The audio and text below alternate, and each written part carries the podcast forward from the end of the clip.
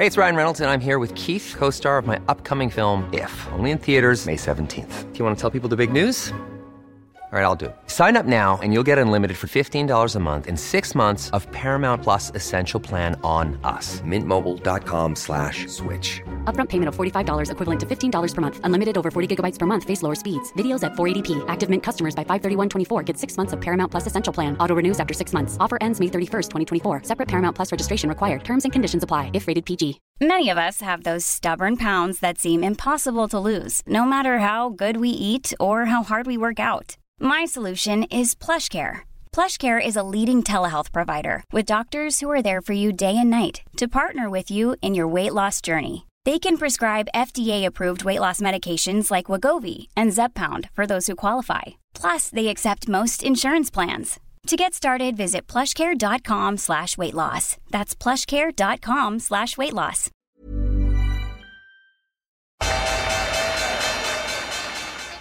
They mistook leverage for genius. Leverage for genius. I would recommend Japan. The governments don't rule the world. Goldman Sachs rules the world. Velkommen til en ny episode av podkasten 'Tid er penger', en podkast med Peter Warren. Jeg heter produsent Sverre. Jeg er også tilbake i studioet, som du kanskje hører hvis du har hørt de siste to episodene som vi tok opp på forferdelig utstyr. Peter er også her. Vi overholder to meters avstand, men det er fordi at vi allerede hadde to meters avstand. Hei, Peter. Hei. Hei. Eh, Så det er litt mindre grusom lydkvalitet enn det har vært de siste to ukene. Og det er litt fint å kunne bare snakke og ikke over Skype og alt mulig. Ehm, det har vært eh, Vi er i episode 75. Det har vært veldig mye aktivitet i perioden nå, eh, både markeder og innenfor diverse tjenester som er knytta til podkasten. Så jeg kan bare minne på at du kan bli med i gruppa til podkasten på Tid er penger hvis du søker på Facebook. Og inne på Facebook så finner du også da en direkte link til chatten, som vi bruker Discord for å chatte. Der er det veldig mye aktivitet. Real time i markedet. Um, der vi snakker med folk uh, direkte med om, om hva som skjer i markedet, og, og hva som skjer i ymse markeder. Så det er veldig mye folk der. Det er vel 2500 folk der. Eh, og, og en forlengelse av podkasten. Du finner også direkte link til den i beskrivelsen, en sånn tekst som er knytta til podkasten. Så der finner du den. Uh, ellers så har det vært en sinnssyk måned for alle. Det har vært en sinnssyk måned for meg. Jeg har kommet tilbake til Oslo i går og har vært mye sykdom som har gått heldigvis veldig bra. Uh, og så på toppen av det har det vært frykt for korona. Nå ser det ut som Altså Støvet har lagt seg litt, og noe har lagt seg på miksebordet her. når leiligheten står tom. Eh, men nå har støvet lagt seg litt for det aller verste pandemien i Oslo, i hvert fall. Vil du si det?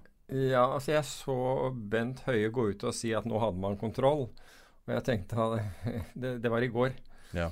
Og jeg tenkte at dear God, ikke la det bli famous last words uh, i dette her. Men, uh, men ja. Men det er jo den reproduksjonsraten som har vært fokus, som er ned fra 2,4 til 0,7. Som Mm. betyr at én person smitter 0,7, altså da ikke Ja. da mer enn Altså det vil jo da dø ut av seg sjøl. Men jeg syns det ser ut som at folk overholder en viss viss regler, selv om det er relativt normalt. altså. Ja, jeg, jeg, jeg, veldig mange gjør det, men samtidig så er jeg, jo området hvor jeg går tur med hunden, og der ser jeg folk øh, stimler sammen og griller og i, i, i store grupper og tenner, Ja, ungdommer, tenner, ja. tenner bål i skogen. Ja, voksne også, faktisk. Og Ja. tenner bål i skogen også, som ikke er så bra. For jeg, jeg tror det var en brann brannutrykning i dag morges der. For da var det i hvert fall brannbil i området for å i forbindelse med noe som hadde blusset opp. Ja. Så, så jeg, jeg syns det er litt sånn De aller fleste holder jo. Altså, min, min take på det er jo at de aller fleste observerer eh, sosial distansering der de kan. Ja. Og jeg vil si at jeg reiste med fly i går, og jeg tror at å reise med fly er det tryggeste man kan gjøre nå i hele Norge. Du følte at det var priv Det var privatfly? 20 mennesker på flyet. Det var mer, eller det var nesten like mye Nå skal ikke jeg lyge, men det var nesten like mye helsepersonell på flyplassen i Tromsø som det var passasjerer. Det var så vanvittig produkt. Men det er jo selvfølgelig pga. regionale karante- karanteneregler. Eh, og det var Jeg tror jeg så syv fly totalt på, på Gardermoen. Masse SAS-fly var parkert langt borte, men Ja, på ja. Altså, det var, det var virkelig eh, altså, du, eh, Det er ikke noe problem med å fly nå, det tror jeg ikke. Det var, ingen hadde maske, ingenting. Men du, du hadde bla, bra eh, plass om bord? Ja, ja. Det var din MOR? Jeg betalte faktisk 100 kroner for et bedre sete. Det var Ja. Din i moment, retrospekt. din moment of røkke? Ja. Jeg la ut noen bilder på chatten, for det var helt surrealistisk hvor tomt det var overalt. Så, eh, men, eh, men det er jo eh, Altså det, det er jo ikke noe interessant for så vidt for folk òg. Eh, nå, nå er vi 7. januar. Nå må jeg nesten spesifisere tidspunktet. Tirsdag 7. Nei, 7. april. Ja. Sorry. Tirsdag 7. april klokka Oi, klokka seks, ja. ja. Eh, det er så lyst nå, så. Eh, og det er 1,38 millioner mennesker som er smitta. Dessverre 78 917 som er dødd. Og tett på 300 000 som er recovered. Du ser at uh, veksten Nå er jeg på Worldometer, som er det alle bruker for å trekke verden. Uh, aktive saker nå er en million, og du ser at både totale saker og totale dødsfall er fortsatt i det man vil kalle en slags eksponentiell vekst. Det er vel ikke helt vertikalt når du ser denne grafen her, men det er ikke positiv graf. Nei, det, vel altså Hadde det vært en aksjekurs, så hadde folk sagt det var, sagt, Ja, det det var et stålbull. ja. Men når du ser den der, så Nei, og verst er ute er USA med 377 000 smitta, 11 000 døde. Eh, Spania 140 000 smitta og 13 000 døde. Og Norge da har jo tilsynelatende full kontroll. Og jeg må jo si personlig har jeg veldig tiltro til det de gjør. Mens i Sverige er det da tilsynelatende ikke fullt så kontroll. da. Mange, men det er en veldig, veldig alvorlig situasjon. Eh, vi har fulgt den siden 23. januar, nei, 26. januar. Da åpna vi kanalen Koronavirus på chatten, mm. og vi har fulgt den tett hele veien. Og, og det har gått mer eller mindre som de her ekspertene Som de første ekspertene som begynte å uttale seg, sa. Og nå har du jo da veldig alvorlig med Boris Johnson og alt mulig. Og så har du der påvirka markedene mye. Du har kun en håndfull av instrumenter i futures-markedet som er oppe i år i det hele tatt, og da er det VIX som er opp 140, 186 Mm. Noe obligasjoner, palladium og gull. Rough Rise er opp litt, og ellers så er det stort sett ting som er da risk-off-produkter. Altså Ja. ting som du kjøper når det er krise. Aller dårligst har det gått med gasoline. Vi måtte slå opp hva gasoline R-bob egentlig var for noe. Allerede glemt hva det var, men basically det, det er da commodity-versjonen av Ja, det er kvaliteten på, Ja. på fuelen. Så, det, så selv om, eh, om prisen er ned 59% i Chicago, så er den ned på pumpa utenfor her ca.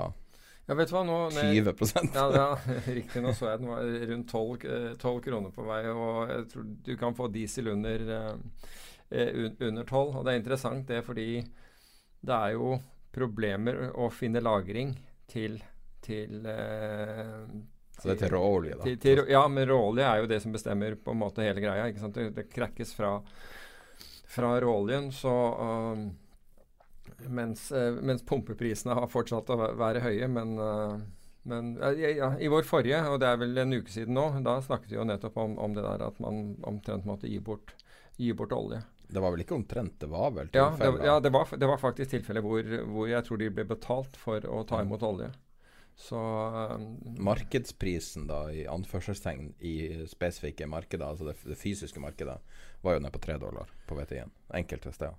Ja, enkelte steder, men, men altså Cushing hadde det ikke, ikke sant? Og, og Jeg tror du Cushing var tolv eller 10 eller noe sånt. Nei, nei, Cushing var mye høyere. Det er, det er TI eh, leveringspunkt, og det, den er jo altså, det det er mulig at noen, noen som klarer å produsere samme kvaliteten som, som WTI, altså som er West Texas Intermediate, som er en kvalitet som er veldig nær til uh, opp mot uh, Nordsjøolje. ja, mot, mot, mot brent. Altså det er en, uh, er en lav sulfurholdig eh, olje som eh, i tillegg eh, håper å si lukter godt. Den lukter ikke bittert. Altså sånn som, det er derfor de kaller det sweet.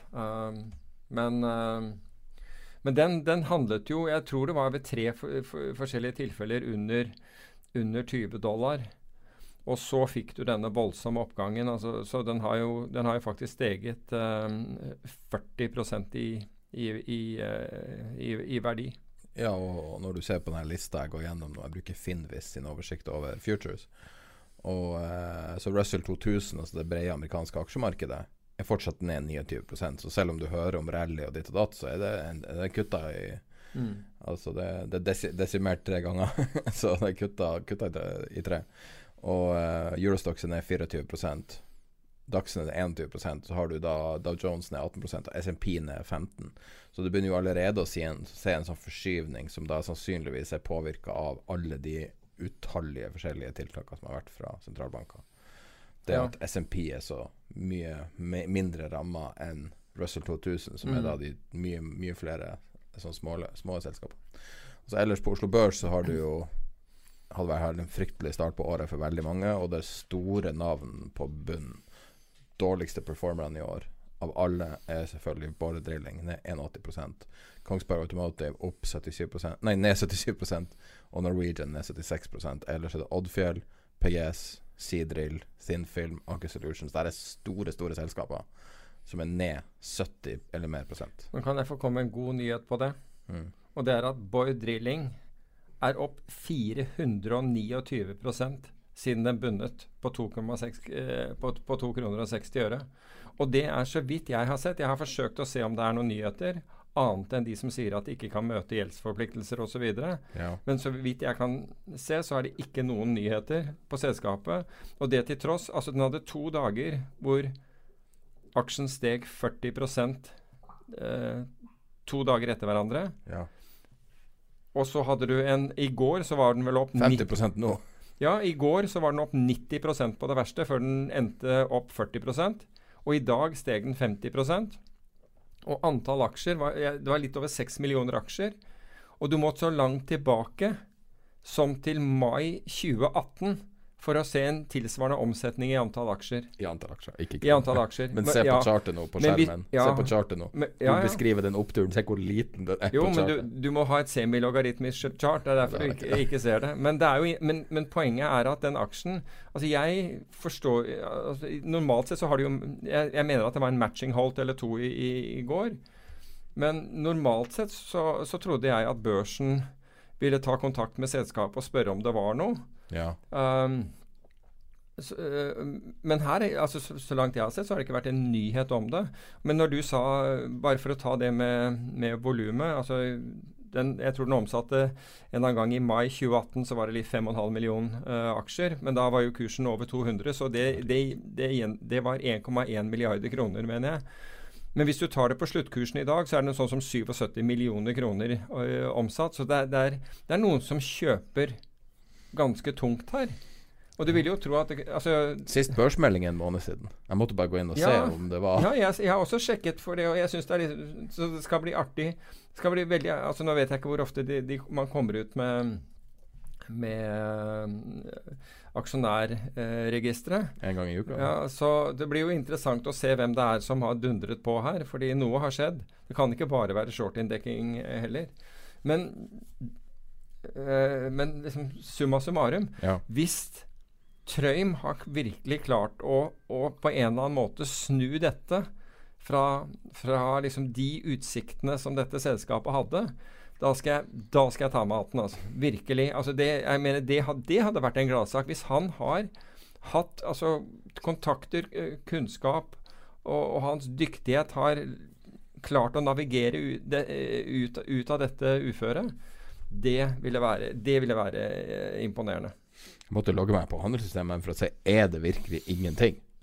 Ja, Se på ikke- datoen, det er jo ingenting. Nei, det er ikke nevnt av, av TDN engang. Hvordan er det mulig? Hvordan er det mulig? Hvordan er det mulig å gå 429 uten at noen reagerer? Ja, du kan lure. Du kan lure. Det er kanskje det at folk tror de allerede er konkurs, at det er det som er greia. At det er liksom bare glemt. Ja, altså du kan si at hadde du hatt opsjoner på det, men du trenger ikke ha hatt opsjon på det, fordi selve aksjen, aksjen er jo en opsjon i seg selv. Men det er jo noe, altså aksjen er jo representerende en opsjon på at, at Trøim får, får dette til. Ja, altså, jeg vil jo ikke si at en person som har så mye personlig clout og connections og erfaring og alt Man kan ikke bare diskontere si at Eller bare liksom write him off, altså. Nei. Han har jo noe skills. Ja, ja, det er ingen tvil. Men, men altså, han har vært en enorm risk, risikotaker. Men han har jo, han har jo ø, et kontaktnett. Han har jo fått til ting, så det skal jo Og så har han potensielt Jon Fredriksen til enhver tid som han alltid kan kisse make up with og si at han fiksa. Ja det, ja, det aner jeg ikke hvordan det, det, det forholdet er. altså, hvis, jeg har bare sett det som, øh, som media har, øh, har rapportert om det. Og, og hvis det er slik at Fredriksen ikke har villet bruke meglere, altså de, han har bare putta meglerne rett i fryseboksen som har hatt med, med Trøim å gjøre, så tror jeg ikke det er bare å kiss and make up. Seriøst? Ja. Hvor det, altså? Ja, det, ja, det er vel, Nei, nei, nei. Det, det, det, er- det, er- ganske velkjent. Jo, men det skjønner jeg at han ikke vil ha samme megler. For han vil ikke Nei, men altså vi, vi- Han vil ikke sa Ja, men dealer du med han, så dealer du ikke med meg. Ferdig. Så det har liksom vært, vært greia. Men men skjønner, du skjønner jo hvorfor han gjør det. egentlig. Jeg har aldri hørt det her før. Det er veldig spennende. Det er merkelig at du ikke har hørt det, fordi det har vært referert til flere ganger. Det det er ikke vanskelig å finne det på nett. Altså. Men, det har jo eh, vært litt nyheter i det siste, så hvis det er det siste, så men, men, du, men poenget mitt er at altså, hvis han drar dette, drar dette i land, altså da da, altså, da, da går han på vannet. Og som, som, eh, som en tidligere kollega av meg, Øyvind Tville, sa om en annen fyr eh, som vi diskuterte, var en fondsforvalter som, som hadde gjort det katastrofalt. Og, og, da, og jeg nevnte at uh, jeg, jeg sa da at eh, at han var jo regnet, lenge regnet for å, for, å, for å være en som gikk på, gikk på vannet og behandlet deretter, også av media. Han sa han gikk på vannet, men det var, det var tynn is. Når, isen, når, når det smelta, gikk en tvers igjennom. Og det, og det er jo helt riktig. Uten at vi skal nødvendigvis nevne hvem det der var. Ja, nå har vi tatt Vi tenkte vi skulle bare ta en liten gjennomgang av markedet um, så langt i år, bare for å liksom bare ha en, et eller annet baseline, fordi at det er så mye Det er så mye man kan påpeke nå at det er nesten vanskelig å vite hvor man skulle starte. Men det er jo et tema som går tilbake igjen og igjen i podkasten, som eh, Som vi har snakka om kanskje halvparten av episodene på et eller annet grad siden starten. Og det har vært din eh, business i alle år, indirekte eller direkte og har vært det du alltid har fokusert på i, i det som driver markedet, altså volatilitet, altså for, eh, hvor fort en aksje eller annet verdipapir forflytter seg. Ja, og jeg har hatt veldig mange samtaler om dette her de, de siste par ukene. Og, og for å gjøre som som, Istedenfor å ha liksom den samme samtalen om og om igjen, så har jeg sagt at vi kan heller ta, eh, ta dette i en podkast. Men alle driver og snakker om volatilitet. Og hva er egentlig volatilitet? Jo, vol volatilitet er et, mål, er et mål på usikker. Jo mer volatilt det er, altså det større svingninger, det mer usikkerhet er det. Og hvordan kommer man i en sånn situasjon hvor alle er short volatilitet?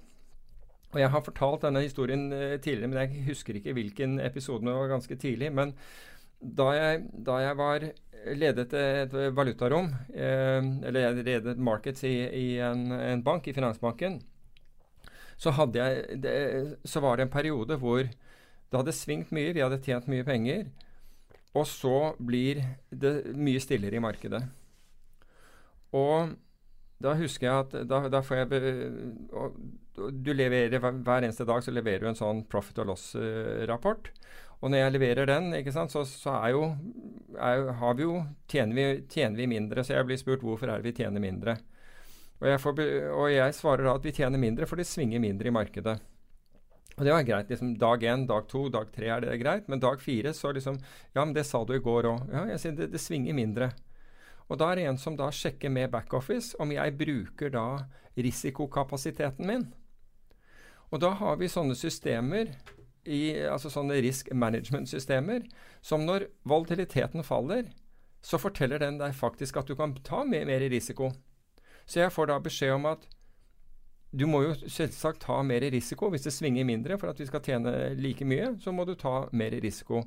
Og Det betyr at posisjonene dine må være større. Så fra å handle med 5 millioner dollar eller 5 millioner euro av gangen, så måtte man plutselig begynne å handle med faktisk det dobbelte. Og greit, så, så jeg øker posisjonene, og, og det gjør at vi, vi, vi tjener mer. Problemet er at dette gjelder jo for alle dealerne der ute. Ikke, altså the whole street. Ikke bare bankene rundt meg og meglerhusene rundt meg, men over hele verden. De har akkurat det samme, og de har akkurat det samme. De har tradere der som skal holde et budsjett. Ligge bak budsjett. Så det gjør jo at svingningen blir enda mindre, fordi da har du enda flere som, som på en måte prøver å, å, å ta bunner og topper hver eneste dag, og det gjør jo at svingningen blir enda mindre. Og litt etter det vi så med kvantitative lettelser, som presset ned volatiliteten, som gjorde at de som skulle, skulle tjene like mye, måtte øke risikoen sin. Samme skjer om igjen i, i, i, dette tilfellet. Jeg tjener mer til å begynne med, men så begynner inntektene å gå ned. Og jeg gjentar da på, på spørsmål at årsaken til at vi tjener mindre, er at det svinger så veldig mye mindre. Samme gjentar seg igjen. Man sjekker da med, med risk management eller middle office for å se hvordan er dette. Og jeg, og jeg har jo altfor få små posisjoner i forhold til dette. Jeg kan jo ta mye mer risiko. Og jeg får da beskjed om egentlig å øke posisjonene mine. Det jeg ikke gjør, er at jeg øker, jeg øker ikke så mye, for det ville ville, si at jeg skulle handle med 50 millioner dollar eller euro hver eneste gang jeg handlet. Starta med fem. Hva sier du? Ja, ja ikke sant? Og, så det var nesten tigangeren for, å, for å kunne komme opp i dette her. Men jeg, gjør, jeg, øker ikke så mye, for jeg, jeg, ser jo at volatiliteten er veldig, veldig lav. Og historisk er den veldig, veldig lav, og jeg blir redd for at no, noe kommer til å skje. Og det var akkurat det som skjedde. Noe kom til å skje. Dette var i 98, og det første som skjer, er long term capital management. Og så Det eksploderer. Plutselig eksploderer det. Og hva er det som da skjer? Jo, det som skjer, er jo selvfølgelig at risk management-systemene registrerer da den økte volatiliteten. Og du får beskjed om altså Til å begynne med så er du veldig glad for volatiliteten. Du selger noe, og så selger du litt mer fordi, altså hvis det går opp. Eller du, du, du, kjøper noe, og du kjøper litt mer hvis det går ned, for dette, dette ser bra ut. Og plutselig har du nå en mye større posisjon. Men godt innenfor. Men risk management-systemet sier plutselig du er nødt til å kutte posisjonen din. Du har for store posisjoner, og du begynner å tape på disse posisjonene. For dette gjelder jo hele gata. altså Når jeg sier gaten, så, så er det oversatt fra the, the, street, altså som er Wall Street. Men liksom all, alle banker, alle, alle finansinstitusjoner rundt omkring.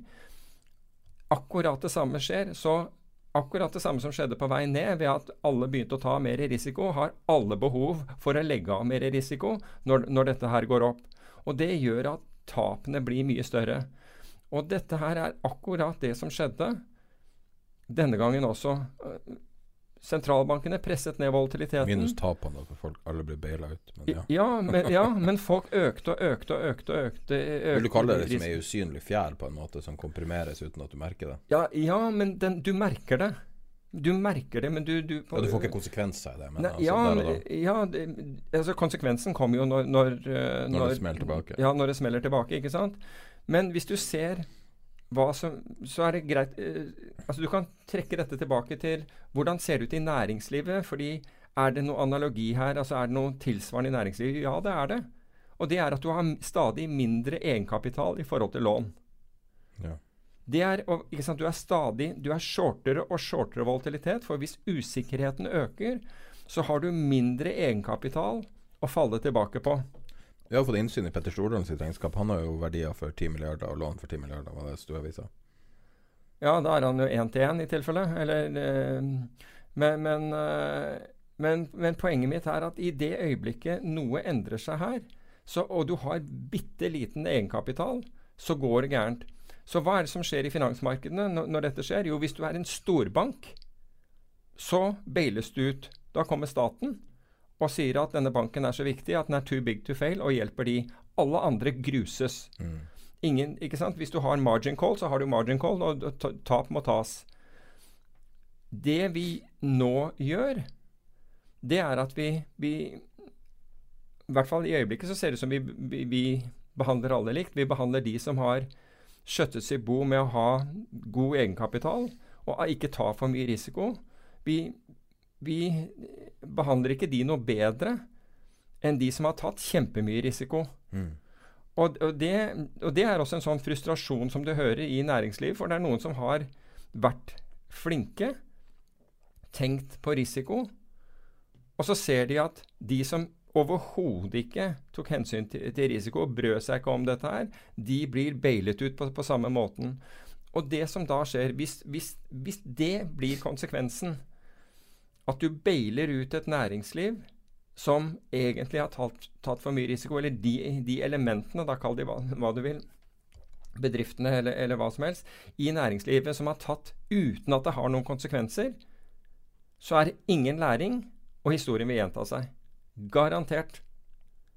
Så det må Altså, du kan si at det er ikke samfunnets oppgave å redde alle for enhver pris. Altså, gjerne redde, men det må koste noe. Altså, samfunnet burde få noe for denne innsatsen. Skattebetalerne bør få noe for, for, for denne innsatsen. Det, det, skal ikke være slik at du kan bare sitte der og si at ah, her er det veldig vanskelig, jeg måtte stenge ned, og, og vi, vi har, sorry, vi har ikke noe egenkapital, kan dere komme og, og, og redde oss? Fordi det er jo, den, det er jo denne det er jo korona, eller covid-19, sin, uh, sin, feil. Husker du etter 11.9. at all, all dårlig, altså hver eneste kvartalspresentasjon så sa de det var veldig dårlig kvartal, men du vet nå 11.9. Ja, den, den, ja, det ser vi nå igjen, altså. Ja, den, Uansett hvor dårlig forretningsmann du er, så er det koronaviruset sitt feil. Nå er jo koronaviruset en gigantisk ting, og vi har jo fått Altså, det har jo nesten ikke blitt Vi har jo ikke nevnt de store makrotallene i USA med jobless claims på ti mm. millioner på to uker, som en da knuser enhver Altså så enhver graf Nå går ikke an å se på graf fordi at det er så høy, ja. høy sving opp. Men det er også e, bare én ting til om det, og det er jo en forskjell på om du er børsnotert og om du ikke er børsnotert. Ja. Hvis du er børsnotert, så har du implisitt aksjonærene tatt en voldsom beating ved, ved aksjefall på denne risikotagningen. Hvis du ikke er børsnotert, og du, og, og du bare, og det bare strømmer inn penger til deg, altså, så, så, du kan bare egentlig fortsette videre der, der du slapp, så er det jo også en veldig mismatch mellom hvordan man behandler de børsnoterte og de ikke-børsnoterte selskapene i, i, dette her. Det er egentlig bare å ha et system som, som, hvor, hvor, som har fairness, og hvor det koster å ta for mye risiko. Ja. For det gjør Men det det har jo altså Det er jo liksom Det du snakker om nå, er jo liksom en drøm. Når har det vært et ordentlig åpent marked? Når har det vært fair? Det har jo aldri vært det i markedet. Det har jo vært ufattelig mange Uh, sånn permanente uh, En eller annen lender of last resort eller et eller annet gutteklubb, eller kall det hva du vil, liksom. Det har ikke vært et åpent, ærlig, fair marked. For hvis det hadde vært det, så hadde jo hver nedtur kommet, og så hadde man skrella bort alt dårlig, og så hadde det ja. kommet nye til. Så hadde vi hatt færre selskaper, men vi hadde også høyere snittkvalitet på selskap. Det hadde vært mange flere ja. Coca-Cola, og ganske mange færre uh, ja, Beyond Meat, liksom. Altså men, men, du kan si at jeg syns jo Altså Finanskrisene var definitivt det verste i, i, så måte, hvor det hadde ingen konsekvenser for, måte, for de som sto bak. Spesielt for bankene. Nettopp. Nettopp. Det er jo bankene. Og det er ikke, det, jeg, har ikke noe mot, ja, men jeg har ikke noe mot at man bailer banker, men da, da bør staten enten nasjonalisere eller i hvert fall få ekstremt godt betalt for det. Altså, ja. Du bruker skattebetalernes penger. Få ekstremt godt betalt. Jeg syns jo at hvis du skal baile ut Norwegian, så kan du gjøre det i Altså kan du ta dem på ordet, og så kan du gjøre Norwegian til Norge AS. Altså, de vil det skal hete Norwegian, så, og da er prisen å betale at alle aksjonærene blir wiped out, og Norge eier dem. Og så er vi tilbake til der SAS-modellen fra gammelt av. Ja, eller, men du kan si at det er helt ok for meg at, at uh, staten bailer ut Norwegian. Men eh, da mener jeg også at skattebetalerne skal, skal tjene penger på det. Er det. det men altså, ja, men det behøver ikke å være men gjennom nasjonalisering. Poenget mitt er at, at skattebetalerne får noe for å stille, stille disse pengene for, for redningsoperasjonen. Jeg vil, altså Personlig jeg vil veldig gjerne at Norwegian uh, overlever. Jeg, det, det noe, jeg, syns Norwegian er uh, representerer noe mer uh, enn en, en et til, tilfeldig valgt selskap. Syns du det? Fortsatt? Ja, jeg syns egentlig det, selv om Ja, for jeg syns Norwegian har gjort veldig mye bra. Jeg syns det har gjort veldig mye bra for norsk luftfart. Ja. Uh, Men tilbake til volatilitet. Nå sporer jeg litt av her. Uh, måtte klippe litt også, for jeg husker ikke hva jeg skulle si. Hmm. For mye ramme rundt historien, sånn at jeg glemte hva bildet var. hva essens var. Ja. Uh, men, men, men, på margin calls, da? Du? Ja, i, i dag sto det en, en, artikkel i Financial Times, og det var henvist til, et, til britiske advokater som sa at nå, kom, altså, nå fremover de neste månedene vil man se enormt med saker altså hvor man saksøker banker og meglerhus ja. av folk som har blitt stoppet ut av markedet. Men det har du sett mye stygge ting. Har du sett de grafene, både private markeder og offentlige, så ser du mistenkelige bevegelser spike opp, og så blir folk stoppa ut alle sammen. Ja, ja. Nei, jeg har ikke sett akkurat de der, men, uh, men uh, jeg håper ikke det går tilbake til den derre uh, januar 2015, da sveitserfrang eh, Da, da Sveitserfrang eh, Den sveitsiske nasjonalbanken tok vekk peggen mot uh, gulvet. Ja, gulvet, gulvet mot euroen på 1,20. Fordi da var det Altså da da var, altså Når sveitserfrangen stiger da 40% plutselig, så også mot norske kroner, så utløste det margin calls, og folk ble stoppet ut og fikk forferdelige kurser. Men ble det saker på det? kurser. Ja, det er blitt en del kurser på det, men, men apropos kurser Nei, en del saker, altså rettssaker. Ja, men, men, eh, men der hvor det Men en, det var under finanskrisen, og den ble nevnt i eh, Financial Times i dag, og det var han Alexander Wiik, han nordmannen, og det er den største rettssaken mot eh, Altså om margin call, fordi han saksøkte Deutsche Bank, for han hadde tapt på valuta under finanskrisen. Han saksøkte Deutsche Bank for 8 milliarder dollar. Hva hadde han tapt? Jeg mener, husker det var mye mindre, var det ikke? Jo, men han, han endte for øvrig med å tape saken og måtte betale Deutsche Bank 235 millioner dollar pluss renter for, for i hele tatt å ha kjørt Altså 230 millioner dollar. 235 millioner dollar pluss rente måtte han betale, betale Deutsche Bank. Men uh, To milliarder. ja. Herregud! Så det er ikke alle de sakene som Hvor er det han, eh, som han har arva pengene det? Det vet jeg ikke. Jeg vet ikke. Han er vel London-basert, så vidt jeg vet. Og, men det er klart at eh, når du, når du søker Han var storeier i Excelera. Ja, han har du, hadde- kjørt noen sånne selskaper. Ja, så han har råd til denne der boten, med andre. Men uh, det er klart når du anlegger 8 milliarder dollar i, i tap Men jeg vet at det, det var Men jeg vet også at, no, at uh, i forbindelse med den uh, sveitserfrank-saken, så, så var det flere av disse meglerhusene som flyttet uh, venues. Altså, eh, altså hvis du var skandinav og saksøkte dem, så måtte du saksøke dem i amerikansk rett. Og, og altså gjorde det der nesten umulig. Wow. For, I hvert fall for privatpersoner var det helt umulig. Altså Du kan ikke saksøke noen i, i, i uh, britisk rett heller. Altså for eh, å regne med at liksom regningen på for, for det skal komme på 20 000 kroner, det, det, det tror jeg du kan bare glemme, for å si det på den måten. Så de fleste hadde jo ikke råd. Og Du som har vært i retten med advokat, hva er det egentlig som koster med advokat? Og hvorfor koster det så mye? og det er jo timeprisen til advokater, det. Og så er det bare at du Er det? That's it, liksom? Det er så enkelt. Ja, det er jo den største kostnaden du har, men det er jo Jeg altså, skjønner det, ikke at det kan bli så dyrt. Jeg forstår det ikke. altså, ja, ja. Jeg har en svoger som advokat, jeg bruker å spørre om råd, så får jeg en sånn uh, Ja, skudd altså jeg, fra jeg, hofta. jeg fikk jo en, en regning fra Jeg tror det var 16 000 kroner å ha fløyet fra, fra Bergen til Oslo. Uh, det var ganske friskt, syns jeg. Altså, jeg vet ikke hva, hva Jeg tenker på en kompis jeg, vet, ikke- ja, men jeg vet ikke hva du flyr med da, for å si det på den måten. Det, når den flybilletten koster 16 000 kroner fra, fra Bergen til Oslo. ja, men da er det time også, eller? Ja, det, det, det må jo ha vært noe så det virkelig Og ja, snøvler de fløy De kan ikke fløy privat, nei. Nei. Nei. De bare fucka deg på, på Ja, det var det det, det, var det liksom Altså på- på ikke timene, det- men selve Nei, på, prisen. på regningen så sto det liksom 16 fly- 000 blank, det er Ja. også litt Ja, det var sikkert 16 000 og et eller annet. Det minner litt om den AUF-scammen. Husker du det med de her, eh, de her eh, Når AUF manipulerte medlemstallene, så slutta alle tallene på 0-0. jo, gjorde de? Ja. Så det var- Nei, jeg husker ikke det. 12 600, liksom. Eh, nå skulle jeg være på jakt etter mens du snakka etter den Financial Times-artikkelen. Eh, og så kom jeg over noe interessant på i Financial Times. Uh, nå skal Nyse New York Stock Exchange reviewe circuit breaker-reglene. Ja. Fordi at det har jo vært veldig stor del av mange dager har vært 7% ned.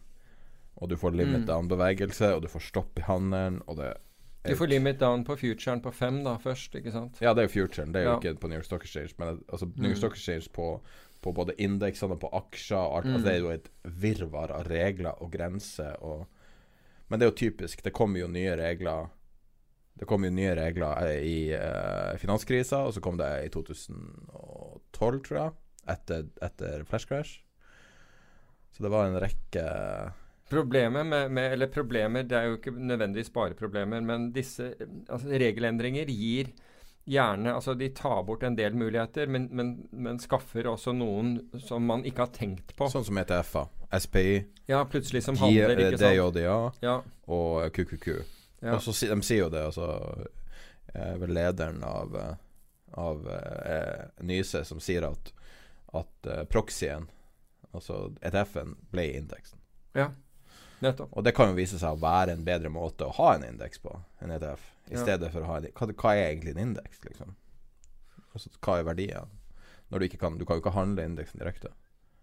Du Nei, kan ja, handle futuren. av- Du kan handle futuren, ikke sant? Og futuren vil jo så godt den kan Du må huske på at mange av disse se selskapene handler jo handler jo like, nesten i, i samme tidsrommet som futurene. Så du har indeksarbitrasjører som kjøper kurver av f.eks. Uh, de, disse aksjene.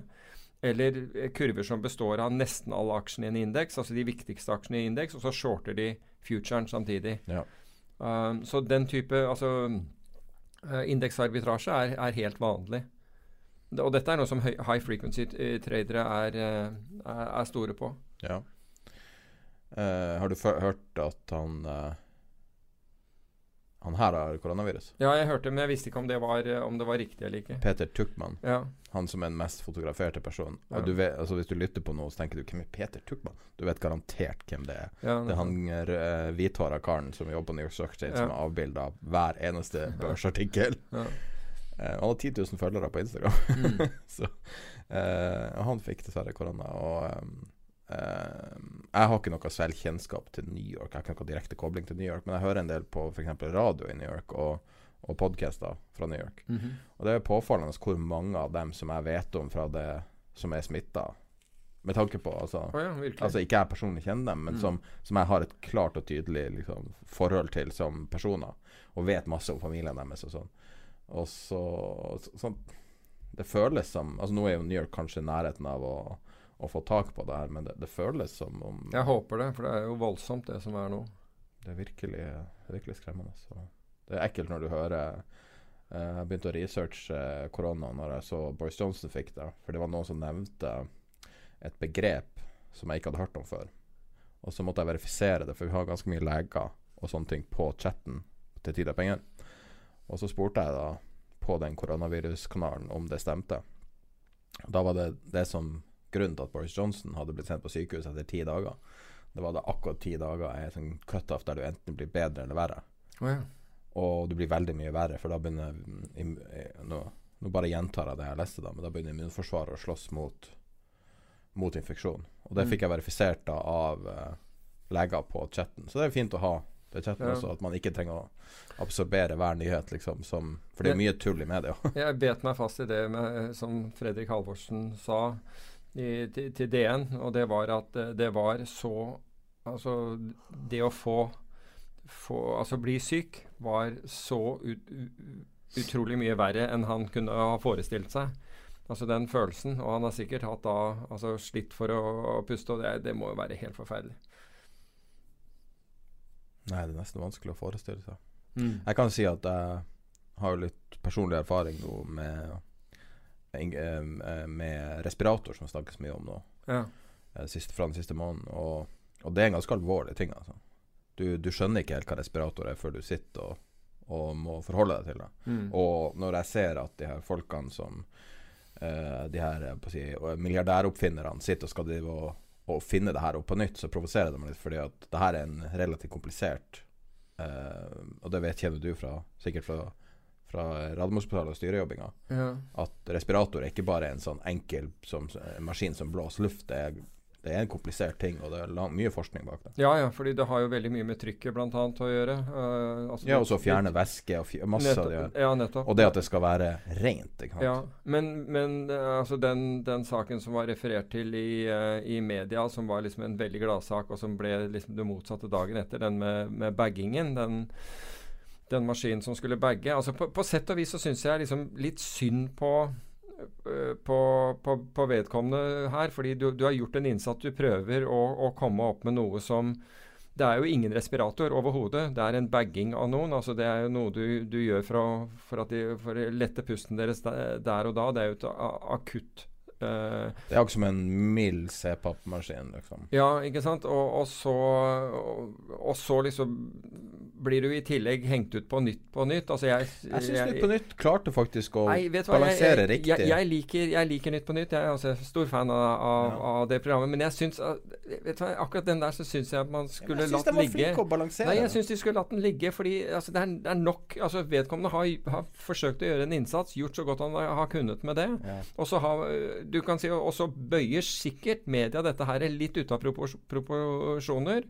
Kan godt hende at politikere også gjorde det, for, det, for den saks skyld, men liksom det blir litt, tatt litt ut av Men la, la meg putte det i perspektiv, da. Altså, vi må huske at den, altså, folk som er villige til å gjøre noe Jo, men det er, det er litt måten du gjør det på, da. Det kan være, Så men, men, det, det er det at du blir hylla som en Ja, reddende engel. Ja, men da er du forutinntatt på liksom at, at det var det denne personen var ute etter. Er Men den personen at- her blir jo dratt fram av Erna Solberg. Det var det som Jeg vet det. Jeg vet det, men, Men det finnes ganske mange andre som pusser seg sjøl fram. ja, ja. Og der er det mer eh, rom for kritikk. Der folk sier at 'vi skal gjøre det her', og så, Ja, ja. så har du ikke noen forutsetning for å gjøre det. Med mindre du er Vi var jo innom det, det, det forrige gang også. Plutselig så, så Altså Dette blir jo litt som da man hadde nevnte krypto i et eller annet selskap. Også, så, også, eh, Long Island Ice Tea ja, Crypto eller ikke sant? Så, så, så gikk kursen av det. ikke sant? Hvis du nevner nå korona i forbindelse med et eller annet annet selskap, så går, går kursen pga. det. Det er jo litt den, den samme greia. Men, men poenget mitt var, var egentlig bare 21.12.2017. Long Island Ice Long Island Ice Tea source after changing, changing name to Long Blockchain. Ja, ikke sant? Så, ja, det, og, og det er jo litt så der vi er nå. Men min, min greie her er egentlig bare å, å, å komme et lite forsvar til, Ja. til han som gjorde noe. Det var ikke bare å, å sitte her og prate, man forsøkte å løse noe. Jo. Og så stormer man liksom mot denne Men Erna Solberg har gjort mye bra. Akkurat det var kanskje en feilvurdering. Men det er jo det at man har så lyst til at det skal funke. Men jeg har, jeg har ikke lyst, jeg har ikke lyst til å, å, å, put the blame on anyone i, i dette Nei. her. Altså, min greie er at, at vedkommende som satte i gang, gjorde noe. Forsøkte å løse et problem og gjorde noe. Og la oss liksom heller ta og respektere det istedenfor å klubbe dette her ned. Hvis det ikke funker, så funker det ikke. Funker sikkert for noe, men jeg, men jeg er helt enig. Altså, det der, jeg har jo bagget folk, jeg, så jeg vet litt om, om hvordan det er. Men, men uh, altså, ære være han for å forsøke. Jeg er helt enig. Vi, vi kan legge det fra. Og det er noe vi har faktisk måtte Vi måtte innføre noen regler på chatten. For det er jo veldig mye ting Verden er jo så forandra nå. For Mm. Tesla-chatten har blitt til en eh, diskusjon rundt effektiviteten av forskjellige respiratorer. Så vi måtte sette ned føring og si at vi må bare stoppe å snakke om respiratorer, for det går ikke an. Og så var det maskesnakk andre plasser, og så må man snakke om Du må bare slutte å snakke om maske slutt, funker eller ikke. Det må bare legges dødt. Mm. Og det er litt uh, uh, Aftenposten hadde en artikkel som ble delt på Facebook-gruppa, Ja, som som, jeg- var sensasjonell. Helt enig. Synes det var kjempe, Det var Øyvind Tville, tror jeg, Ja. som, som hadde delt den. Jeg syns det var kjempebra. Og det er nettopp det at alle de her folkene, sånn som eh, eh, Halvorsen, som var i DN, og kan liksom syns, synse Jo, men han, han har jo opplevd dette her selv, så jeg skjønner på en måte at han altså, Når han blir spurt, så forteller han Han blir spurt, hvilken men DN putter putta han på forsida. Ja, ja. Det Men det er jo ikke han som bestemmer. Nei, nei. Men, men altså, Fredrik Halvorsen hadde sikkert, sikkert en ganske dramatisk opplevelse av det, og, og kommuniserte den. Så, så jeg jeg- Ja, igjen så vil jeg liksom forsvare at han, han fortalte sin opplevelse av det. Ja. Nei, men det er bare interessant. Den, eh, kommentaren som sto i Aftenposten, Mm. Uh, den ligger på Hvis du går inn på Tid er pengers Facebook-side og scroller litt ned, så finner du den uh, delt av Tvilde. Uh, og, og den sier i praksis at jeg er så lei av finansfolk som da skal synse om det her, som har skutt fra hofta siden dag én. Og, og liksom skal hele tida løse alt på ti sekunder, og alt er så enkelt, og det her er opp og ned. Og, det var bare så Det var bare traff For meg så Man er jo alle ofre i å ha mening om Ja, det. Ja, men han gikk ikke bare ut mot finansfag, han gikk ut mot en hel haug av eksperter, bare så det er sagt. Men, Men det var vel han- spesielt dem som ikke er eksperter. Ja, ja, Eksperter på andre ting, kanskje. nettopp. Så jeg kan jo si at personlig har jeg satt min lit til én person i det her, og det er han Neil Ferguson Mm. fra Jeg tror London Jeg husker ikke hva han heter på skolen, hvis du søker på Neil. N-I-E-L Ferguson. Uh, og når vi starta den kanalen som heter Koronavirus 26.1, så var en av de første tingene jeg la ut, var video til hans eh, Det som ble en månedlig sånn rapport. Og da spådde han nøyaktig det som har skjedd nå. Han ble jo smitta sjøl. Oi. Eh, men han har vært en uhyre stødig stemme og veldig forutsigbar. Og det, det er Det er konsekvent så legger de ut fantastiske videoer, men ikke så veldig ofte. Men du får en følelse av hva som skjer. Og de, han spådde jo da 300 000 døde i Storbritannia. Wow. Ytterste konsekvens. Og så, og så justerer du det for tiltak, da. Nå var jo Storbritannia uvanlig treg med å få i gang tiltakene som har veldig mye å si angivelig. Men det var jo fordi eh, Det var jo regjeringen som eh, Eller Boris Johnson Ja, det, er helt, altså det er jo helt sykt at han er smitta. Altså den personen som har tatt klare standpunkt mot Ja, tiltak. nettopp. Det Det var litt, merkelig litt spesielt. ironi der. For blir Neil eh, Ferguson skriver det i- eh, ikke N-E-I, men N-I-A. Nei, nei, nei. nei, nei, nei, nei, nei, Er det ikke det? Nei, det er jo ikke Neil Nile Ferguson. Han er jo eh, fjols. Jeg tro, er han det? Jeg trodde du mente historikeren. jeg. Ja, han. Syns du han er relevant i denne saken? Nei, jeg trodde det var han som hadde uttalt seg. Det var Sorry, jeg- Jeg, jeg var litt sånn her, jeg hadde litt sånn man-crush på Nile Ferguson en tida. Så innså at han var litt sånn bløffmaker. så jeg møtte han i Oslo, faktisk. Ja, han var, han var på Skagen-konferansen blant Ja. annet. Ja. I finanskrisa. Da, da, da hadde han høy Men jeg har ikke hørt så veldig mye fra han siden. Han er jo litt sånn Mm. Han sier mye ekstreme ting, og så Jeg vet ikke hvor mye relevans det har, men Neil Ferguson, N-I-E-L Mm, ok. Han syns jeg Han er så avmålt og uh, intellektuell og Det det motsatte av meg, på en måte. Så men, uh, men det er jo vanskelig å vite hvem man skal stole på i det her. Mm.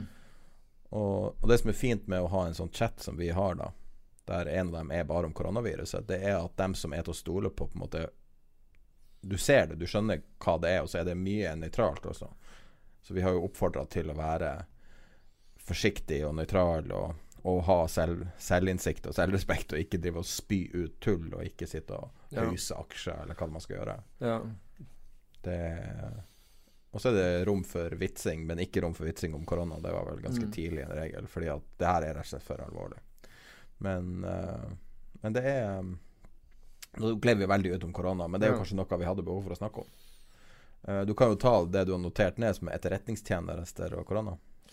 Ja, altså det, det er jo interessant å se, fordi man har jo da I, i USA så har de jo faktisk en, en etterretningstjeneste for for, uh, altså for, for medisin. Og som heter National Center for Medical Intelligence. og Den, den, sitter i Fort Detrick i, i Maryland. Og den advarte Trump Ja. mot, mot koronakrisen, men han ville ikke høre på dem. Men han ville jo ikke høre på noen av etter, etterretningstjenestene. Var ikke det samtidig som WHO kom ut og, og, og brifa Erna Solberg og alle andre, og når alle koordinert begynte å gjøre ting? Jeg er, ikke, jeg er ikke sikker på når Men det var veldig jeg husker veldig tidlig, for jeg husker eh, at jeg leste en, eh, en, eh, en artikkel om det, og hvor han hadde bare brushed dette her off. Dette var ikke var helt, altså, Det var helt feil. Uh, viser at de hadde jo innertier på det. Men man har jo da diskutert på å, å bruke etterretningstjenestenes innhentingsmuligheter for å få enda bedre oversikt over over eh, altså virus og virusløpet. Men samtidig så har jo israelerne tatt den enda lenger. Fordi der, hvis du, hvis du er, har karantene og, og bestemmer deg for å gå ut en tur, da bør du ikke ha med deg mobiltelefonen din, for å si det på den måten. Oslo har lagt opp til det samme. Ja, har de det? Ja, for det, da, da får du en tekstmelding fra den der enheten. Oslo har det samme. det, da, Visste du ok. ikke det? Nei, jeg visste ikke det. Ikke fra, ikke fra etterretning, men eh, det, eh, de sa det mellom linjene i går. At de kommer til å overvåke folk, bruke sine uh, verktøy for okay. å overvåke folk. Og varsle hvis du Ja, for det, det, gjør, det gjør man i, altså, i Israel. Der den, den signaletterretningsenhet som heter 8200, som da sender deg en tekstmelding og sier 'Nå bør du komme deg hjem. Nå!' Ellers så kommer vi og arresterer deg. Så, så sender vi noen. Så um, Nei, synes, jeg, altså, der har man gått skikkelig til verks. Ja, det, men det er jo altså Det er den måten man stopper deg på, rett og slett. Altså. Men det er jo det som er det store spørsmålet. Hvor mange land klarer å rulle tilbake den endringen? Norge jeg tror jeg kommer til å klare å rulle tilbake alle de her eh, dramatiske innsynene i privatlivets fred.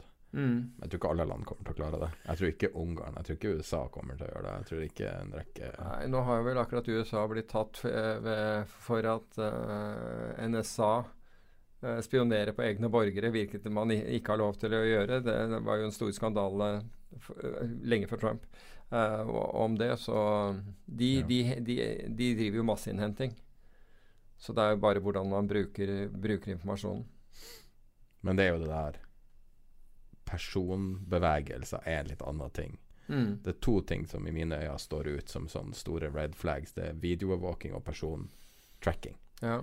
Og jeg føler jo at vi begynner å nærme oss normalisering av å GPS-tracke eller triangulere med data med mobil eh, Men, men uh, altså, i dag så krever det jo at, man, at politiet går til, eh, går til retten eh, for å få en kjennelse for å kunne hente ut den type data. Tror kanskje smittevernloven gjelder over. Ja, men, men du har Altså, hvis det gjelder liv og helse, så kan eh, Altså, eh, med andre ord, det brenner så på dass at uh, du har ikke tid til å, å, å, å sende en advokat ned til, for å møte en dommer og gå gjennom saken. Så, så, så fins det muligheter, men da, da, da følger det at du har god nok grunn slik at den vil eh, Slik at retten ville, eh, ville gitt deg samtykke.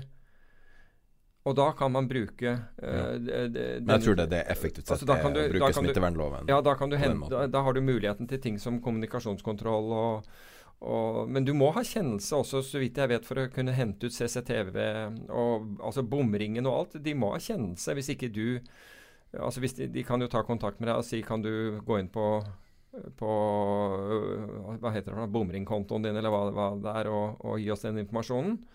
Um, men ellers, hvis du ikke gjør det, så, så tror jeg det kreves en kjennelse for at de skal kunne hente, Jeg syns det ut. føles som at uh, osten er blitt flytta en rekke ganger de siste fem årene, altså subtilt. Det her er jo definitivt den største, men vet du hva, jeg, alle er jeg, jeg tror ikke det. Fordi du har hatt en del saker, i, uh, i hvert fall her i Oslo, hvor det har tatt tid for dem å, å gå og hente ut ting. Altså Fordi det kanskje ikke handler om liv og helse der og da, men, og det tar tid å få, få tak i det. Jeg håper det, fordi at eh, Oslo er gjennomsyra av kamera. Vi har så mye kamera Ja. Det er vel tredje i verden, er det ikke det? Etter London og Singapore. det er du som sier det, men jeg, Ja, altså, du jeg jeg ser meg rundt. Altså, det er jo helt grusomt. Så. Ja. Jeg hadde, var i Tyskland i sommer, og det er virkelig en drøm å være i Tyskland. De har ikke Street View engang. De har Google Street View. De har ingenting. Mm. Det er ikke et kamera noen plasser. Og det, det føltes som en ferie på et vis. Ikke at jeg gjør noe galt, altså, det var jo ingenting, men det er bare den der følelsen av at at, liksom at det er noen som Hvis de har dårlige intensjoner, og du blir anklaga for noe du ikke har gjort, eller gud vet, og så plutselig så kan de eh, ekstrapolere ut av noe. Altså, det, det er jo sånn. Josef K-følelse, liksom, i uh... Ja, når jeg kjører gjennom bomstasjonen, blir jeg minnet på det hver gang. Fordi av en eller annen grunn så får de vindusviskerne til å gå på bilen én gang. ikke spør meg hvorfor. Ja, det er jo noe infrarødt. Ja, helt sikkert. Som får, får det til å skje. Så det er varsel, rett og slett. Ja, da, da tenker jeg ok, der ble vi registrert. Du kan kjøpe deg sånn her eh, sånn kamerafinner også, har du sett det? Nei. På Amazon. Sånn du, du holder opp til øyet, og så sender du det infrarødt lys, og så, så lyser alt opp som er et kamera. Oh, ja. Så da hvis det er et gjemt kamera i en, et støpsel eller i eh, et eller annet Aha. Så hvis du skal ha Airbnb, så er det greit å ha. Men vi har litt tema her, og vi, skal, vi kan bruke en sånn tease for å få folk til å høre på hele episoden. Men vi skal avslutte litt med hvordan verden blir å se ut etter eh, koronaviruset. Uh, men uh, gullprisen har jo Folk trodde jo at gull skulle gå til himmels, men Ja, altså, gull ble utsatt Og vi, vi, jeg tror vi snakket om det i et i hvert fall i et par episoder hvor, hvor jeg bl.a. mente at det kunne være sentralbanker som, som solgte gull. Um, gull har nå kommet seg opp igjen, og forresten, tror du fortsatt på det? Jeg ikke På hva da? Den teorien din. Ja, jeg tror det. Jeg, jeg tror at det var noe store uh, Altså, jeg, jeg- det er en kombinasjon av to ting. Folk som må ha penger, altså som bare flykter til uh, Som vil heller ha cash enn noe som helst annet. Men det var, det var så brutalt, det nedsalget. Og det er ikke mm, Altså, De som ønsker å selge for å, for å få mest mulig for det de selger, de selger ikke på den måten. Det, der var, det ble solgt ned for å manipulere kurs, for å dytte kursen ned for å skremme folk ut, Ja. ut av markedet. Og markedet er blitt mindre likvid etterpå. Spredden mellom, mellom kjøper og selger er, er blitt videre. Den var, var så mye som, uh, eh, som 50 cent. Nå er den ned til 20, men før det så har den ligget på 10. Um, Så rent visuelt på chartet Nå har jeg et ettårschart her, tror jeg det er cirka. mm. Det er veldig Hvis du ser det her lille her oppe Se her, den Og så i større grad den da. Ja. Ser du at det visuelt ser litt merkelig ut? Der chartet er relativt Det følger en bølge Ja, Og så går det krusedull ja. Siste. Sånn at altså, det indikerer at utrolig mye kaos Og det er jo en viss grad markedet nå.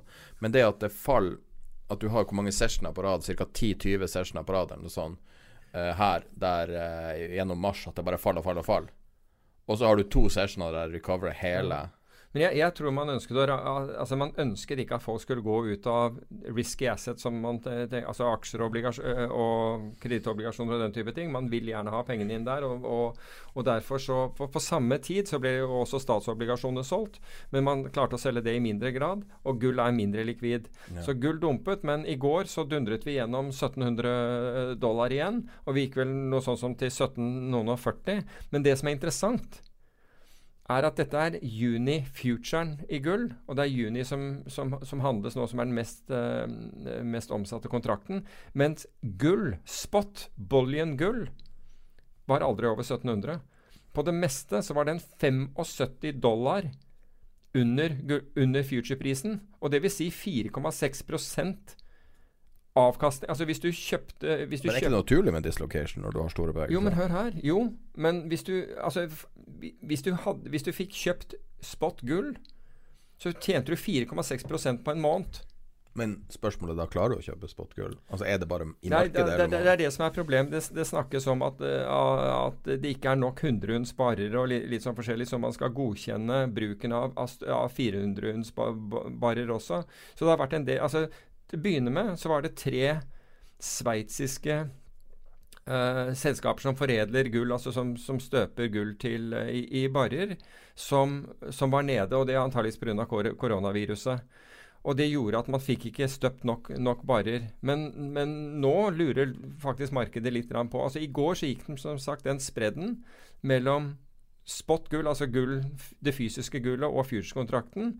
Det var 75 dollar i prisforskjell mellom de to. og det, altså Når folk sier at det er ingen rente på gull, skal jeg love deg at det var det i går. Mm. Uh, den var falt til noen og 40 dollar når jeg uh, Kan du sammenligne det her litt med uh, Litt med en circuit breaker og et FN for å fortsette å trade? Altså Det er en um, teknisk grunn til at ja, men det er en teknisk, er men, men, det er en teknisk Nei. Vi vet ikke helt hva, hva, grunnen er, og det er litt merkelig. Hele den biten er litt merkelig. Men, du, men du kan Altså, hvis du Den blir ikke som ETF-en og markedet som ikke trader, fordi egentlig så trader begge deler. Det er bare at det fysiske gullet full, altså Det var så etterspørsel etter future-kontrakten at det dro disse tingene voldsomt fra hverandre. Og normalt sett så har du arbitrasjører som, som går inn og handler på det.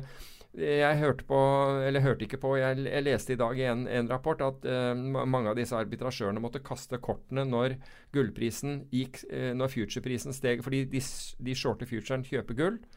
Når, når, den, når den uh, differansen ble så stor, så måtte de kaste kortene. Men alvorlig talt, det, det blir som long term capital management som eide, som, som eide statsobligasjoner med med, med 9,8 års uh, løpetid og var, var, short statsobligasjoner med 10 års løpetid. Altså det er mm. samme utsteder. Det, altså, det, altså det er klart Hvis du har giret det herfra til månen, men da er det jo faktisk at giringkostnadene dine går opp.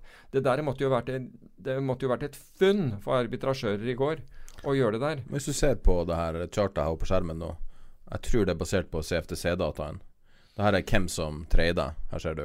Ja. Contracts of, one, of 100 uh, ounce og commercial hedgers, large traders og small ja. traders. Og det du ser, at commercial hedgers er litt opp helt i det siste.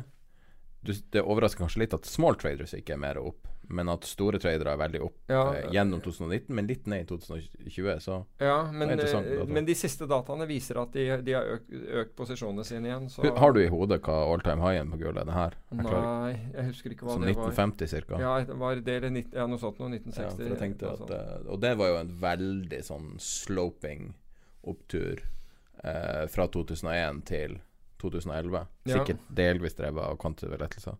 Men du ser jo også at volumet handel her er jo bare vedvarende høyere, høyere, høyere. Ja. Men at det er langt mer et ekvilibrium på prisen. I dag, altså, I dag, så har jo, som jeg har sagt, øh, både future-markedet og, og cash-markedet kommet litt lavere. Nå, er, nå, handler gull tilbake igjen under, under, 1700, men det var ganske vilt der en stund i, i går. altså da gikk Trade det. du gull noe nå? Ja, men jeg var bare så vidt jeg var innom, innom, det i går, fordi de svingningene er så store og volumene er så små. Altså Volumet på, på kjøper- og selgerkurs er én til to kontrakter. Så der er det jo det er livsfarlig ikke sant, hvis du, hvis du blir sittende feil. Ja. Nå har vi holdt på en uh, time her. Skal vi se um, uh, snart, Før vi starta, vi rakk faktisk ikke å gå gjennom det. Uh, den Goldman-rapporten om hedgefond. Ja, Så da Goldman, jeg, jeg får høre den første gangen. nå. ja, Goldmans kvart kvartalsrapport om, om hedgefond var jo interessant, for er- det er jo en eh, Det, er jo en, det gjøres over en, en conference call. Og de hadde jo da sett i mars at, eh, at hedgefond gjorde massiv deleveraging, med andre ord eh, reduserte eksponeringen sin, re, re, reduserte lån. Um, belåning av posisjoner, og det gjaldt også de kvantitative fondene. De eh, reduserte også voldsomt. De kan ha seks til åtte ganger giring, fordi de er, de er like mye long som de er short. Ja. Uh, og de reduserte brått ned til, til, til, til fire ganger giring på disse, så det hadde en eh, ganske stor effekt på markedet. Og noen av dem gjorde ikke bra i den, der, i, i den perioden. Men uh, du, multistrat hedgefondene, sånn som bl.a. Uh, de som har masse tradingteam som gjør forskjellige ting, helt uavhengig av hverandre, f.eks. Millennium. gjette. Gjør det veldig bra. Ja, de gjør det bra i, i dette her. Eh, men Millennium har, har sparka ut eh, noen no folk, så det er tydelig der at eh, alle var ikke like gode. Og, de han Easy Englander han er jo eh, han er kjent for å være ganske, ganske konsekvent hvis du, hvis du ikke holder deg innenfor eh, eh, risk management-reglene. det er jo logisk å holde seg til det som funker, og kutte tapene Ja, men dine. altså rett og slett hvis du Jo, men det er helt greit at du taper så lenge du, du begrenser tapet ditt, men, det, men han Ja, er herregud. At, altså det, det må være vanskelig å være trader på det et sånt system. Spesielt hvis du ikke er f.eks. algoritmisk. Men selv det, altså eh, De aller fleste der er ikke altså, Eller noen, av, noen er algoritmisk når jeg tenker meg om. En av de største Men du skjønner, du skjønner hva jeg mener? At det her markedet her Ja. er så brutal. Jo, men at du da må- trykker buy, og så får du et godstog i trynet Ja, ja. før du rekker å, å gjøre det. Jo, men da må du, da må du downsize boken fort, ikke sant? Det, altså det, det raskere du klarer å, å redusere risikoen din. Er, alt har med liksom avstanden til egenkapitalen, og egenkapitalen, det er For dem så er det jo det der at vi, du, du får halvert pengene. Altså du får forvaltningskapitalen da Han tar bort halvparten av forvaltningskapitalen hvis du taper 4 Ja. Og hvis du taper ytterligere eh, 4 med andre ord 6 på det hele, takk for deg. Hmm. Gå og finn noe annet å gjøre. Det, jeg skulle ikke å se det blant norske fondsforvaltere. Det ville vært helt hadde ikke funka i det hele går det med norske fond nå, egentlig? Vet, nei, det, de går vel Det går som børsen, eh, stort sett. Um, Det er vel svaret. Altså, svaret er jo Det er børsen minus eh, kostnaden, altså minus eh, forvaltningshonoraret. Ja, Og så har du ja, nettopp. Ja. Og ofte litt dårligere enn det, altså. Ja, det Ja. Så uh, Ellers så har uh, våre venner i uh, Diego Paria, som vi har snakket om tidligere, han har akkurat levert resultater. Han var opp 19,1 Hva, hvordan får er det? Det er sånn tail, eh, tail risk-fond. Altså han, han er, kjøper, uh, kjøper opsjoner på statsobligasjoner og gull og den type ting. Og han var opp 19,1% i, i mars. Mm. Og opp 42,5% i år. Og Logica, som vi, Wayne Himmelshine, som vi, vi snakket om eh, etter, eh, etter, eh, etter Miami Hans ene fond er opp 20,8. Det er absolute return-fondet hans. Og tail risk-fondet hans er opp 28,7. Mm. Og så har du Deepfield, som vi også har snakket om. Disse sveitserne de gjør også bra. Så du har noen eh, Vet du du hvem som også gjør det bra? Har jeg hørt på det, Jeg har ikke personlig erfaring med det, men jeg hørte det på en podkast. Ok. Eh, dopdealere i New York selger eh, N95-maske. De har UV-maskin for å, for å eh, fjerne bakterier, og har sånne pakkemaskiner. Selger det for 20 dollar stykket. Det er sånn som koster 1-2 dollar å kjøpe. Og så, du, så får du gi, levert hjem på døra med narkotika. Så, det, det er helt magisk at men- folk men- på i løpet av én måned klarer å omstille seg så mye og bli så proff.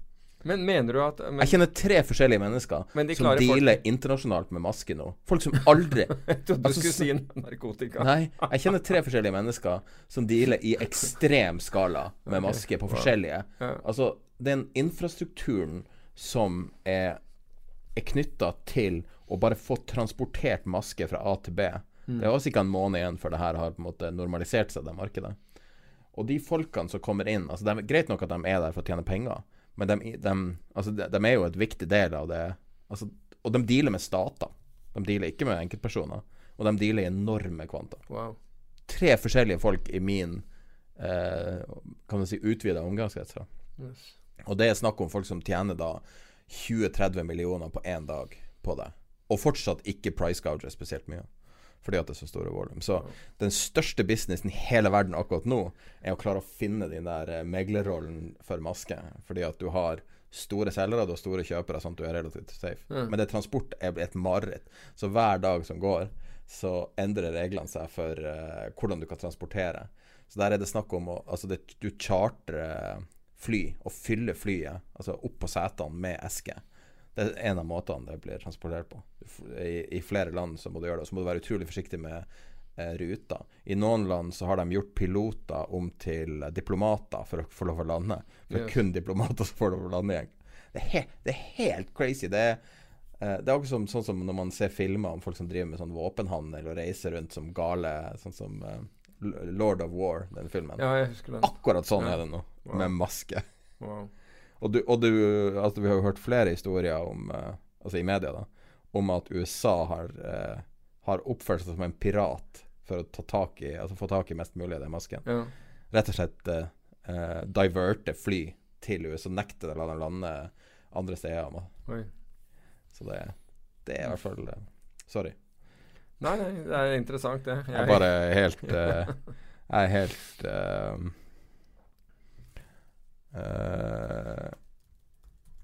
Jeg er helt uh, obsessed med, med liksom dynamikken her, som forandrer seg så fort. Og folk tilpasser seg de her dopdealerne i USA på gata, som nå tjener mer penger på å selge maske enn på å selge narkotika. Ja, men får de, Klarer de å få inn narkotika da?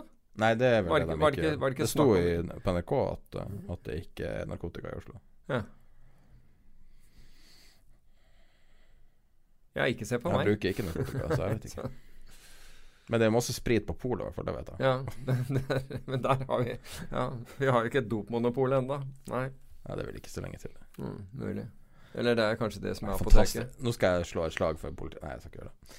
Uh, jeg bruker ikke narkotika med full legalisering. Bli kvitt mafiaen. Det, det jeg sier. Mm. Uh, nå har vi et par tema igjen. Vi har jo Mm. holdt på lenge.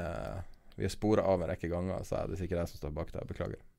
Men du ser fortsatt Contango i Olga-markedet? eller? Den har jo kommet inn Ja. ganske kraftig? da, Jo, det, det er akkurat det. Apropos det der at man fraktet og, og hvordan man fraktet ting. Det er jo Hele greia her har jo vært at man ikke kunne levere olje, eller det var mangel på, på lagerkapasitet. Og det altså, har, markedet gikk jo i stå. Markedet gikk i stå. Men det, det gjorde jo at, eh, at de store tankrederiene uh, fossa inn i eh, den arabiske gulf og, og tok om bord. Jeg, tror at- jeg tror faktisk at en av de norske har, Jeg vet ikke om de har rekorden, men jeg mener at en av, eh, av skipene til, til Hunter fikk 270 000 dollar om dagen. Ja, Tenker du på den kontrakten eller spotten? Ja, nå, ja altså de, de, At de fikk en kontrakt på 270 000 dollar og, om Ja, folk mente jo at det var dumt at de tok den kontrakten, men det var jo Nei, genistrek. den er, altså det, det siste, siste, ja, siste jeg så 240 000 dollar om dagen. Det siste jeg så nå, var jo 170 000 dollar om dagen. Så det er tydelig at det har gått ned igjen. Her ser du dem ligge i kø utenfor Ja. en av uh, Men, men greiene er at uh, pga. Uh, Trumps tweet og muligheten for da dette OPEC-møtet som nå blir utsatt, og alle tror at dette her er, er grei skuring og det skal forsvinne 10-15 millioner fat per dag i, i, uh, i oljeproduksjon, så har jo den kurven flatnet seg, og det har jo gjort også at det er mindre interessant. Fordi hvis du betaler 240 000 dollar om dagen, da, altså da må den kontangoen være veldig bratt. For hvor, at du, stor, hvor, hvor mye fat inneholder de her skipene til Ventor? Uh, det er, er ikke de store, altså. Det er to millioner fat, se to millioner fat, tenker jeg. Du må se på flåtaka. Så jeg, jeg tipper det. Det er crude carrier som kan ta to millioner fat hver. Ja. Um, så, så du kan si at du skal eh, Altså, greia her er at mangelen på tonnasje var så akutt at nesten hele gevinsten går jo Altså, du kan si at de som burde kjøpe den oljen, er jo egentlig er jo egentlig eh, rederiene. Eh, Fordi Altså, de, de burde gjøre Fordi det var veldig lite igjen for, for, for, for andre å, å, å gjøre den dealen. Pga. at uh, tonnasjekostnadene, altså mm, fraktratene, gikk så kraftig opp. Nå har de kommet ned igjen, så vi får se hvordan, hvordan det går. Men det var jo en Det var jo ganske voldsomt, det, eh, det som skjedde der. Her ser du uh, skipene utenfor Kuwait som ligger. Ja. Det er nok en av de Du ser jo Klasa, og der ligger de bare fullasta med olje og venter på at en kontrakt skal utløpe. Er det Ja. ikke det? Jo, altså greiene er at hvis du kan levere Altså hvis du har solgt den og, og, Men du må jo være i nærheten av en terminal hvor du kan levere, selvfølgelig, eller hvor du har, hvor du har solgt den. Men, Ser ut som Tuvai, Tu- uh, Kuwait og uh, Saudi fortsatt er ja. hotspots. Jo, men det er, det er det, og du og, Men den flatnet veldig. Mm. Og da så du Da gikk jo tankrederiene i, omtrent i fritt fall. Og det var jo det TK gikk jo ned 23% på én dag. Wow. Så um, Ja, det er crazy tider på alle mulige ledd. men, altså. men greiene er at nå har, nå har kurven bratnet seg litt, litt grann igjen. Og jeg, jeg tror jeg så mellom mai og, og junikontrakten i, i TI, altså i WTI, så, så er det ca. 4 dollar. Men jeg så litt på det, fordi det er folk som har, har spurt dette om spurt, det, Hvordan går det an å utnytte den der kon kontangoen? Og en som snakket om å gjøre straddles, altså opsjonsstrategier. og jeg så da i dag, så så da, I dag morges så var mai-kontrakten uh, på, uh, på West Texas Intermediate. Da handlet den til 27 dollar. Så hvis du da kjøpte istedenfor i mai, men du kjøpte Husk på alt annet Hvis alt eh, forblir uforandret fra dette nivået Altså juni handler da eh, vesentlig høyere. Den handler, handler da 4 dollar over. ok, Ca. 31 dollar. Så den handler på 31 dollar. Men den vil da falle til 27 dollar. Alt annet like. Hvis, hvis, hvis kurven ikke endrer Ja, seg nå, så faller den til 27 dollar om en måned og ni dager. Det er ni dager til, eh, til, til mai for, forfaller. Så hvis du, hvis du kjøper da Hvis du kjøper da en salgsopsjon som gir deg retten til å, kjø, til å, til å selge uh, Unnskyld, ja, til å selge olje på 30 dollar, og så utsteder du en salgsopsjon eh, lenger nede, 27 dollar, der hvor oljen er nå, så betalte du 1,18 dollar for den. Så hvis, all, altså hvis bare markedet blir liggende rolig, og, den, og du, du følger den, den forward-kurven nedover til, til 27 da om en måned og ni dager, så har du en avkastning på 154% Det er ikke gærent. Så jeg, Forutsetninga der er jo et problem. Fordi at markedet har gått sånn. ja, ja, for, jo, men, hvis, jo, men de, hvis du tror at olje skal ned, da Ja. Altså, du kan si at Så hvis, hvis kurven er uforandret Hvis oljen faller altså, så, Hva er det som skal, skal forstyrre det her? Jo, det, det ene måtte være at kurven kommer opp. Med andre ord at, at spot at, er rett og slett at oljeprisen stiger.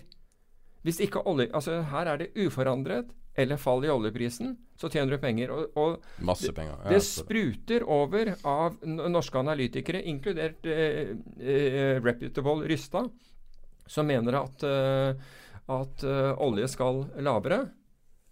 Så hvis du Altså Men når alle vet noe, så har det en tendens til ja, men, eh, jo, men har de rett i det? Og jeg har sett fra meglerhusene også, de mener at olje skal være lavere. Så har de rett i det, så må dette være en av de bedre tingene du kan gjøre. Det, altså, deres eh, alternativ er at man selger de aksjene og kjøper de aksjene. Men jeg tror ikke du får 154 på, på en måned og ni dager ved, ved, ved, ved, ved disse handlene. Worst case, da, er det uendelig tap? Ja, altså, Nei, ikke uendelig, fordi du taper premien du har betalt. 1 dollar og hva var den var i dag morges? 1 dollar og 18, 18 cent uh, på, på å gjøre den.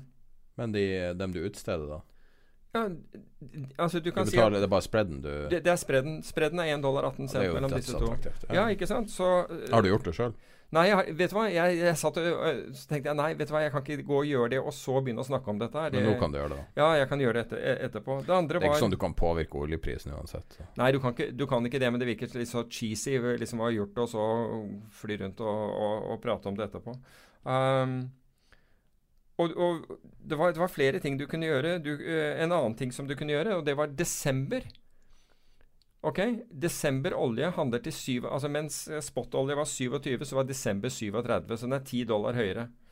Så hvis du kjøper Hvis du kjøper en put-opsjon eh, med, med strike 37 på, på, eh, på i, i desember, altså for, den betaler du 6 dollar 60 for. Da har du en break-even på 31,40 hvis markedet altså er uforandret på 27 e- eller, eller lavere der. Altså, da har du 67% avkastning på pengene. Så, så hvis du Det er jo det som er greia, ikke- at det er så attraktivt med opsjoner, fordi at du vet hva du kan tape, og du Ja. får en eh, du får en asymmetrisk oppside som er så attraktiv. Men greia her er jo at oljeprisen altså dette er jo Bakgrunnen er at oljeprisen var, var nede på 20 dollar fatet før, før eh, Trump begynte å snakke om 10-15 eh, eller 10 dollar eller mer, 10 millioner, eh, unnskyld, 10 millioner fat eller, eller mer skulle tas ut i, i produksjon. Så hvis dette skuffer markedet, hvis markedet blir skuffet her, så er det jo duket for, for, for en, en, nedgang. Altså, må også påpeke at det her har ingenting med koronavirus å gjøre. ikke? Man, mange disconnecter de to og har ikke tenkt noe på Saudi og tror at at prisen på olje er ned pga. koronaviruset? Kanskje litt? Implisitt så er det jo det fordi, fordi eh, altså går, ja, for verden går, går, går, saktere, ikke sant? og det er, det er mindre behov. Men det, det, det, er vanskelig å isolere hva som er hva, men veldig mange har totalt ignorert Saudi, eh, Russland, eh, storyen, mm. og bare fokuserer på korona på alt mulig. Så ja. også ikke he, altså litt seriøse analytikere jeg har sett mm. som bare snakker om korona. Det er spesielt. Men uh, nå har vi holdt på en stund, så vi kan kanskje gå på uh, over til high yield. Uh, jeg vet ikke om det er fond eller generelt high yield. Nei, altså, det, det jeg tenkte på altså, I USA så var det jo Så var jo high yield High yield-indeksen ned 12 da aksjemarkedet var ned 20% Ja. Uh, JNK er opp igjen. Jeg var bare og sjekka. Ja, ja. Mens, uh, mens og, og, ja, og du kan si at i og med Det, det var liksom status uh, på dette her. De har fått 7 milliarder dollar i inflows til high yield-markedet i USA. Så, men, ja. men du kan si at der Altså selv om high yield-markedet falt kraftig i USA, så var, så var, det et visst sånn forhold mellom det aksjemarkedet falt. altså med andre ord, Aksjemarkedet falt dobbelt så mye som, som high yield-markedet falt. Mens i Norge så er de markedene omtrent like. altså De har falt like mye. Både aksjemarkedet og high yield-markedet i Norge har falt like mye. Så hvis det er liksom Og det kunne ha falt mer. altså Hadde det ikke vært for Statens obligasjonsfond, så hadde det antageligvis falt mer. Men, uh, men uh, Likevel litt oppløftende at ting begynner å gå altså fra 23. mars og oppover så har det vært ganske betydelig rekyl i high yield. Som, altså, man, altså, hvis man tar på seg liksom og skal ta på seg hatten for å være optimister. Ja, ja, men du kan si at det et, det amerikanske markedet er jo langt mer likvid. Du ser prisene, du ser kjøper- og selgerkurs i det markedet. Og da tør investor å satse penger også. Ja. Er, er, det mulig å selge noe som helst high i Norge nå i det hele tatt? Ja, det er det nok fordi du har Det er mange som er interessert, men for, alle er redde for at, at fondet ikke har, har, priset dette riktig. Jeg mente en ny bånd. Klarer du å utstede en ny bånd? I øyeblikket? Ja. Nei, det tviler jeg på. Det tror jeg DNB hadde jo den, men det er jo ikke high yield, da. Men uansett. Hvor, hvor, langt opp må du være på investment grade for å utstede den, tror du? Nei, Jeg vet ikke, men jeg tror folk er blitt redde pga. illikviditeten i det der markedet. Men, men Statens uh, obligasjonsfond har, har jo gjort uh, sitt til at det er blitt vesentlig bedre, tror jeg. Eh, norske kroner nå et par dager siden jeg sjekka. Ja. Jeg fulgte krona ganske tett, og det begynner jo å styrke seg gradvis mot dollaren. Og ja, altså tatt jeg, tilbake mye av det tapte.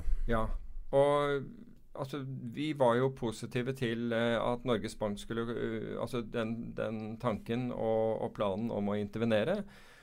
Og selv om jeg tror at det er veldig vanskelig å intervenere i, i, i, i veldig mange markeder, fordi hvis, hvis Altså Hvis de, det fundamentale er absolutt imot deg, så vil du i, altså i normale markeder ha så mye flows mot en intervensjon at det er vanskelig å gjøre noe med det. Men jeg var av den oppfatning i denne situasjonen at her snakker vi om belånte aktører som går løs på kronen. De gikk jo løs på kronen i, uh, i uh, asiatisk åpningstid. Det var da det, liksom ble, ble kjørt. Og, og greiene er at Igjen, har du liten egenkapital og får en sentralbank mot deg, så ligger du dårlig an. Nå er det jo vanskelig å vite om de gjorde noe. Nei, det er ikke vanskelig. De har gjort noe. Altså, Tallene viser at, at, at Jeg så en analyse som stilte spørsmål med om de hadde gjort noe. Nei, altså Etter all sannsynlighet har de gjort noe, men det, de har ikke gjort noe Det det er ikke noe voldsomme Nei. beløp. Men bare, bare, at Norges Bank viser seg i det, det, markedet Altså det at de stiller, som du stilte spørsmål, sa tidligere, de ringer opp og sier 'Kan jeg få pris?' Ja altså begynne å sjekke markedet, så det, det, er nok til ikke sant? Altså Hvis de ser ting i, i, Asia, og så får du en telefon fra en av dealerne i Norges Bank som sier hvor, hvor ligger markedet, da tenker jeg det shutter off de, de fleste. Mm. Og greiene er at Har de måttet gjøre mer enn det? Har de måttet putte penger i det? Jeg, slik jeg har forstått, så har de gjort det. Okay. Men det er ikke, no, det er ikke noe voldsomme beløp. Og Ja, Vet du det direkte? Vet du det, at de har gjort det? analysene fra, fra aktørene er at de har gjort det. Okay. Jeg tror ikke sentralbanken vil bekrefte det, i hvert fall ikke enda. Men det er etter all sannsynlighet Altså, jeg tror at de har gjort det, og jeg syns at, at uh, tallene er, er overbevist om at de har gjort det. Men jeg tror ikke de har gjort Det har ikke vært store beløp, men det har fungert. Altså, jeg syns Norges Bank har vært gjort akkurat det riktige her. I motsetning til Fed. Fed har de snakka om mer QE, QE uendelig, QE4, QE5, alt det der. Altså Gud vet hvor vi er nå på den der kvantitative lettelser, trykke penger, alt sammen.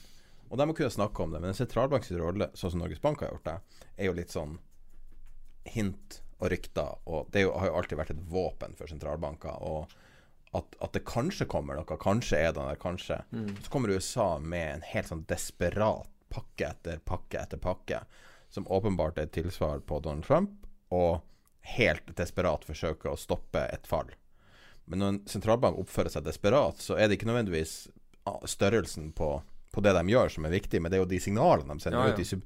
Og det syns jeg Fed har gjort veldig dårlig i denne perioden.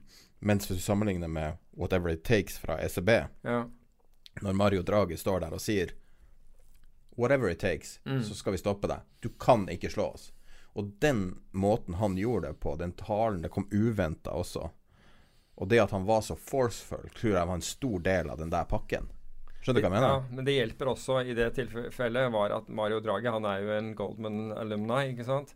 Det hjelper altså. Du vet at du har en kar her som skjønner markeder. Hvor er det Eh, Jerome Powell er fra? Det vet jeg ikke. Og han har vel ikke rukket å bli eh, korrumpert på den måten. Men, Ja, og nå har jo ECB en tidligere En advokat som er tidligere finansminister, liksom. Ja. Så bare hva, hva hun vet om trading. sant? Ja, Gjorde ikke en kjempejobb under den europeiske gjeldskrisen, for å si det forsiktig.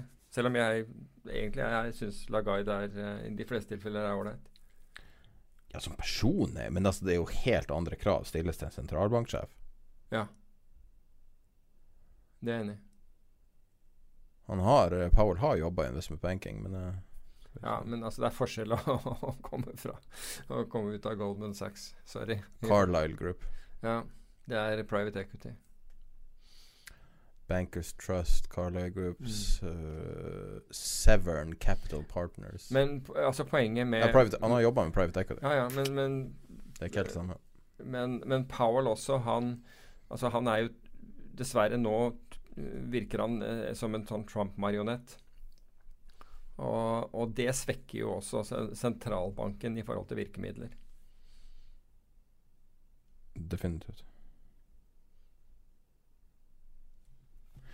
Ehm, tror du at uh, Norges Bank må gjøre mer, eller tror du at nå er det, det kjørt for uh, Um, jeg, jeg vet ikke hvordan de, hvordan de tenker om dette. her. De, har- altså jeg, jeg, tror, eh, jeg tror ikke de har vært inne daglig, for å si det på den måten. Jeg tror de var inne til å begynne med og bare viste at, uh, det, at vi, vi, setter, uh, vi setter penger bak det vi, vi gjør. Ja. De har fått uh, altså Det begynner å det, det, er, det har ikke normalisert seg enda. Det er jo fortsatt en høy volatilitet.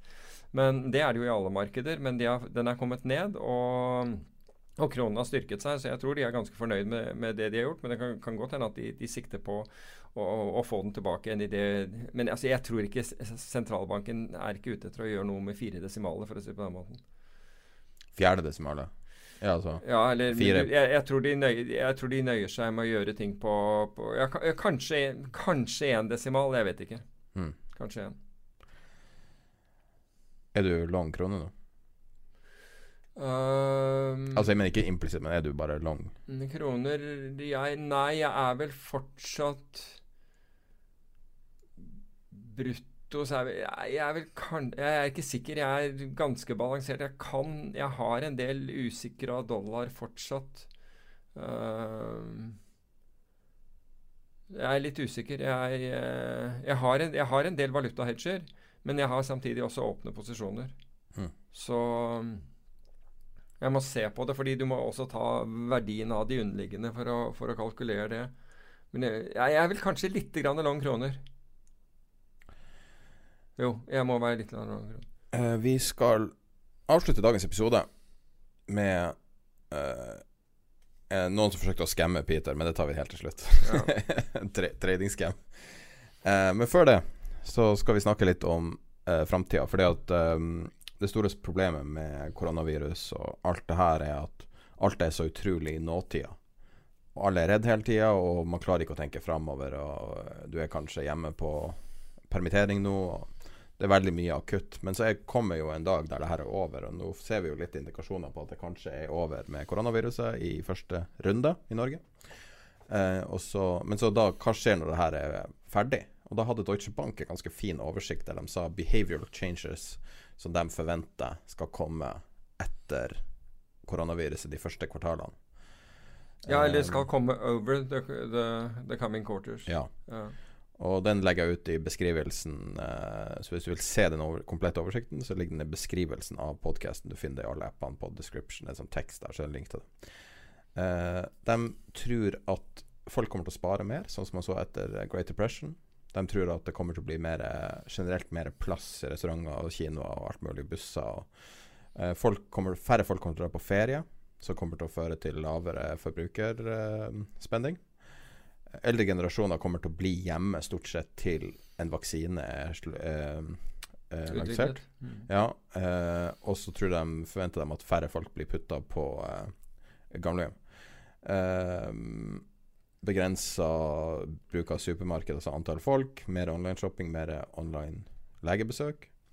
Færre folk eh, på eh, type sats. og, og generelt sånn gruppeaktiviteter med idrett.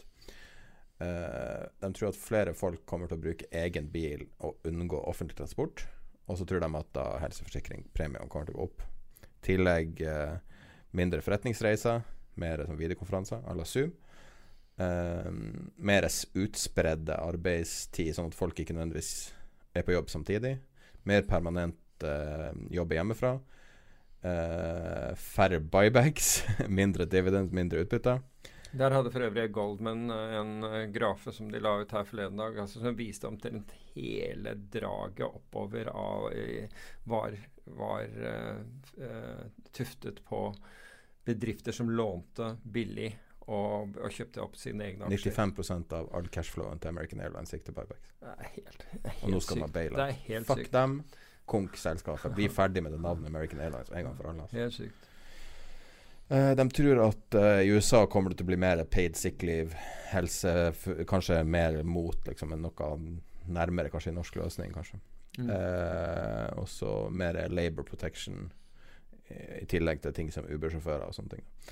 Og så tror de at det kommer til å bli globale restriksjoner på reise fra høyrisikoområder. De tror det generelt at de, er, de tingene vi ser nå med sånn skanning av feber og sånn, kan bli mer permanent på, på grense og sånn. Det gjør de jo i, i, Asia, så har de jo sånne kameraer. Jeg mener ja. at de har det inn til Singapore. Hvert inn til Kina har de hatt det lenge. Ja, Hongkong. Ja. Og der har de det standard. Der sitter jo en sånn gruppe bak noen sånne varmesøkende kameraer. Ja. Alle som har vært ramma av det før, har en tendens til å ha det, virker det som. Mm. Uh, de tror at det blir mer regulering i forhold til husholdninger og selskapet til å holde det de anslår til å være tre måneder med kontanter for emergency, den har jeg ikke hørt før. Uh, det vil jo være helt utrolig hvis de tvinger folk til å ha kanskje 150 000 i en sparekonto yes, i Norge. Ja, ja. det, det, vil være litt spesielt. Ja. Um, de tror på mer regulering i forhold til helsevesenet i USA, og alt for å beskytte for en framtidig epidemi. Uh, uh, også selvfølgelig da oppgradere sånn gamlehjem i forhold til beskyttelse. De har jo vært veldig nedprioritert også mm. på hele jorda, egentlig. Og så selvfølgelig da noe som ganske åpenbart at man kommer til å ha respiratorer, maske og alt mulig overalt lagra. Det er jo garantert at det skjer, nesten. Uh, I tillegg til mer uh, systematisk planlegging og være forberedt på det her. Jo, I USA hadde man et eksempel på at Trump sa jo opp alle som kunne ha beskytta og koordinert en sånn her jobb, var jo sagt opp lenge før det her skjedde. Ja, men altså han, han forsøkte jo å kutte uh, virkelig uh, budsjettet til CDC. Mm. Uh, men til, til, hans forsvar Egentlig ikke til hans forsvar, men loven gjorde at han, han, han rakk ikke å, å, å, få det implementert. Men han ville ha det bort, for det var, var, ikke noe man hadde brukt. Så det var jo bare penger ut av vinduet. Så hadde han lykkes med det, så hadde situasjonen vært mye verre. Har ett punkt igjen på lista fra Deutsche Bank, mm. dessverre. så er det More supply of government bonds. Increasing risk of debt crisis. Finanskrisa er ikke over. Nei. Og det kommer bare til å bli verre og verre. Og en dag så er det ingen bailout, med mindre vi får besøk fra Mars eller et eller annet sånt. Ja. Men altså, den, den bailouten har jo Ja. Vi får se hvordan denne her går, altså at the end of the day. Hva du tror? Vi har skrevet, vi snakka litt om det i forkant, skrevet ned noen punkter. Hva du tror kommer til å skje med verden etter Altså, jeg, jeg, tror først, øh, jeg tror folk har lært å vaske hender, jeg.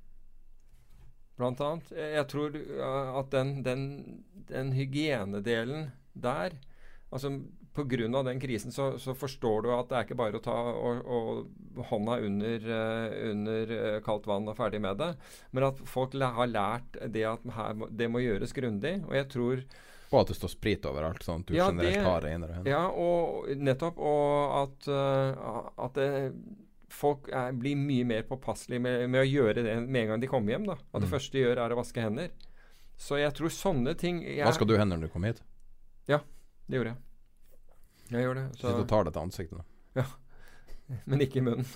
uh, men uh, Så jeg tror, jeg tror vi kom, altså Jeg tror at Nå vet vi ikke hvordan dette her Hvordan dette ender, men jeg tror at verden kommer til å altså, raskt gå tilbake når den først kan, kan gjøre det. Men her Blir vi som Hongkong, da? I Hongkong så har de jo jeg, fors jeg forsøker å tenke liksom, hva, er, hva, hva vil være varig? Altså varig av dette.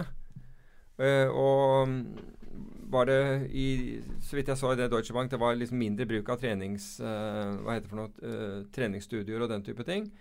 Og jeg tror at det, er, det vil være midlertidig, for jeg tror folk, den sosiale interaksjonen er veldig viktig for mange. Ja, men du kan jogge deg en tur ute. Du må Det ikke være du- inne på et studio Jo, som er tur, så, så, bakterieflora. når du jogger deg en tur, så, så går du ikke blant og, og, hilser på de samme menneskene og, og eventuelt får nye bekjentskaper.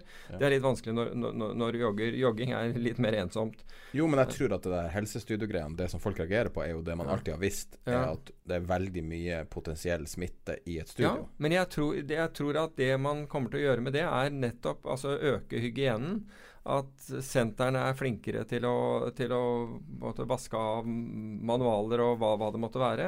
Er mye mer bevisst på det, og de som går der, er mye mer bevisst og kanskje har med seg sånne antibac Hva heter det noe? Er det savietter det heter, og, og sånne ting? Jeg tror det er mye Ja, UV, altså UV-skanning eller UV-rensing eller, av at du, eller at du har hansker på, eller et eller annet sånt. Men jeg, jeg, men jeg tror at eh, Altså, sentrene eh, Klart de merker det voldsomt nå, men jeg tror at eh, jeg, jeg tror ikke at det er over. Jeg gjør ikke det. Men eh, du sa at du tror folk kommer til å ta mindre risiko framover. Altså, I en periode så eh, Du kan si Det, kom, det kommer an på. Det kommer veldig an på hvordan denne, denne bailouten blir gjort. Hvis du ikke lærer folk Hvis ikke folk føler altså Det har jo med skin in the game. Hvis du, hvis du kan flytte skin in the game over på, over på, på skattebetalerne da har du ikke lært noe, da. da bare, det eneste du har lært da, er at OK, skjer igjen, så gjør jeg det der igjen. Men hvis, hvis, eh, hvis man tvinges til å, å ha skin in the game og føle på kroppen at ikke altså Enten at det koster å bruke At skattebetalerne redder deg, eller at du, at du må ta en del av dette selv, da lærer du. Men hva med et sånn offentlig register, f.eks., der eh, hvis man blir baila ut sånn at Hver bedrift som blir baila ut, så må man ha et slags offentlig register. Ikke sånn name and shame, men mer det at man kan holde oversikt over for det første hva bailouten var, hva vilkårene var, og skjedde, hva har de gjort etterpå for å betale tilbake, eller hvor mange er permittert. Hvor mye, Ja. altså, hva er gjort etterpå?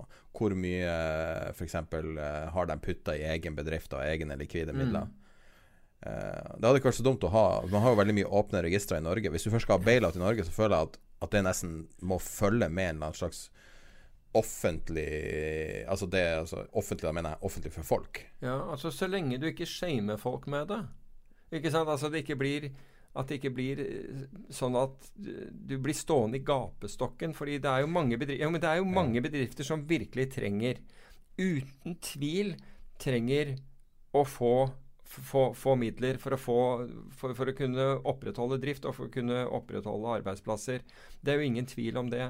Så de som altså Jeg vil jo skille mellom de som har, på en måte, igjen har, har drevet sunn for, forretningsmessig drift, og de som på en måte har gambla på at det aldri vil skje noe, og at eh, ikke sant, bare kjørt opp gjelda, bryr seg ikke om noe det, det er en altså jeg, det, Man må sette pris på de som har gjort det på en riktig måte, en ordentlig måte, og, de, og, og, og samtidig bør det være en pris for de som ikke har gjort det. Ja. Og, og den prisen der, mener jeg ikke skal være at de, de skal gruses og, gå konkurs, men det må, ha, det må ha, være konsekvenser. Altså hvis du, hvis du velger å være gæren, så, så, er det, sant, så, så kan du slå deg. Og, og, men hvis du tar fra den muligheten at, at folk slår seg, så vil de bli, bare bli enda mer gærne.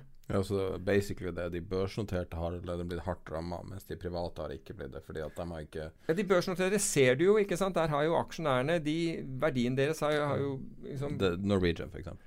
For eksempel. Bjørn Kjos har tapt tre milliarder. Ja, det er eh, Det er, som du sier, penger det også. Du blir forsøkt skremma her en dag. Ja. Det, Og, det- nå er vi på 1 time og 35 minutter, så Ok, den, det, vi skal være raske på den. Den kom, den kom via LinkedIn og var noe som heter EverFX. Som da, som da tar kontakt og, og spør om du har lyst til å doble pengene dine på det var vel ikke EverFX, det var vel én spesifikk person i Ja, men re, som representerer dette EverFX. Ja. Og, og, og sier da at eh, om man, har, man vil, om man har lyst til å få pengene sine doblet På én til to uker kunne man få pengene sine doblet hvis man puttet pengene inn på, eh, på dette. Og jeg sier da til vedkommende, som da er norsk, at har du markedsføringskonsesjon? Liksom Er du registrert og har du det? Hadde selvfølgelig ikke det. med mobiltelefoner. Han jobber med mobiltelefoner. Han trenger kanskje ikke markedsføring. Altså å fikse dem. Ja, ok, Men han trenger kanskje ikke en markedsføringskonsesjon for det. Men hvis du skal markedsføre Og hvorfor tar vi opp dette her? Jo, fordi hver gang det, noen virkelig taper penger, og tar det opp med Finanstilsynet etterpå, så får man da gjerne høre, høre fra Finanstilsynet at, ved, at de hadde ikke konsesjon, så det falt ikke inn under Finanstilsynet. Og så selv om de visste om det, så gjorde de ikke noe med det. Det har skjedd ved et par anledninger. Ellers så, har du den, ellers så kommer da den samme statementen fra den avdelingen i Finanstilsynet som har syv mennesker ansatt. Det er syv mennesker ansatt i Finanstilsynet som, som svarer De har vi ingen kommentar til. Så for å unngå den at noen ryker på den smellen der, og at Finanstilsynet ikke bryr seg om det, så er vi, vi, vi nevner denne her. Men vi trenger du trenger ikke engang å si det, for vi kan bare sitere hva comparebrokers.co sier om EverFX. Warning, EverFX have a low rating. We recommend you look at an EverFX alternative. Ja, by clicking here, men det er, Ja, okay, det er vel kanskje en eh, Den de anbefaler her, f.eks., er jo ja, men, men, om mulig verre. men, men, men poenget her er at, eh, er at nå, Vær så snill, når noen sier at de skal doble pengene dine på én til to uker, så, så da bør det ringe en bjelle. Men hvis det ikke ringer en bjelle, så legg på. ja. Men altså, hvis, fo- jeg, jeg vil gå lenger og si hvis folk ringer deg og vil selge deg et finansprodukt eh, Det er bedre at jeg ringer deg. altså ringer og oppsøker Ja, nettopp. Hvor Men- bra kan det Men være? dette skjedde over LinkedIn. Altså det, er jo, det var første gang jeg har blitt forsøkt Eller det er mange som forsøker å få, få, få penger ut av deg over LinkedIn med, med å foreslå Med å ha ehm, Med å ha investeringsmuligheter. Men, eh, men denne her var jeg Denne her var li, litt annerledes. Skal jeg se på det på LinkedIn. Det som er artig med LinkedIn, er å se på denne kolonnen her til høyre. Hvem, hvem andre har personer sett på som har sett på deg. Aha. Så hvis du ser pene damer Så folk som ser på Peter Warren, har vært og sett på Gunhild Stordalen. Olav Chen. Carlos Kastrøm. Men det er artig når du ser pene damer på LinkedIn. Så er det er masse andre pene damer til høyre. Fordi at folk sitter bare Nei, det, er grunnen, det der kommer ikke opp uh, hos meg, tror jeg. Men greit. Det er du det er Folk som ser på deg, ser på Johan Andresen. Ja. Christian Beck vet jeg ikke hvem er. Nei. Og så en kar i Nordnett. Mm. Er artig. Men uh, så hvis man skal sende deg skammer, hvor er det best å gjøre det, da? Send de direkte til Finanstilsynet. Men det er jo Kan ikke bare sende i brevpost? Er det mer praktisk, eller? Ja, kommer det fram om dagen? Ja ja, posten fungerer. Det er en av de tingene som virkelig fungerer nå. Ok. Godt å vite. Uh, men da tror jeg vi ønsker god påske, og nå har vi kjørt på med ganske mye innhold de siste uken. Det er første gangen det er sånn tålelig bra lyd. Så Men uh, Får håpe at de neste ukene ikke blir fullt så heftig som det har vært nå, for jeg kjenner at jeg er ganske sliten. Altså. Mm. God påske. God påske.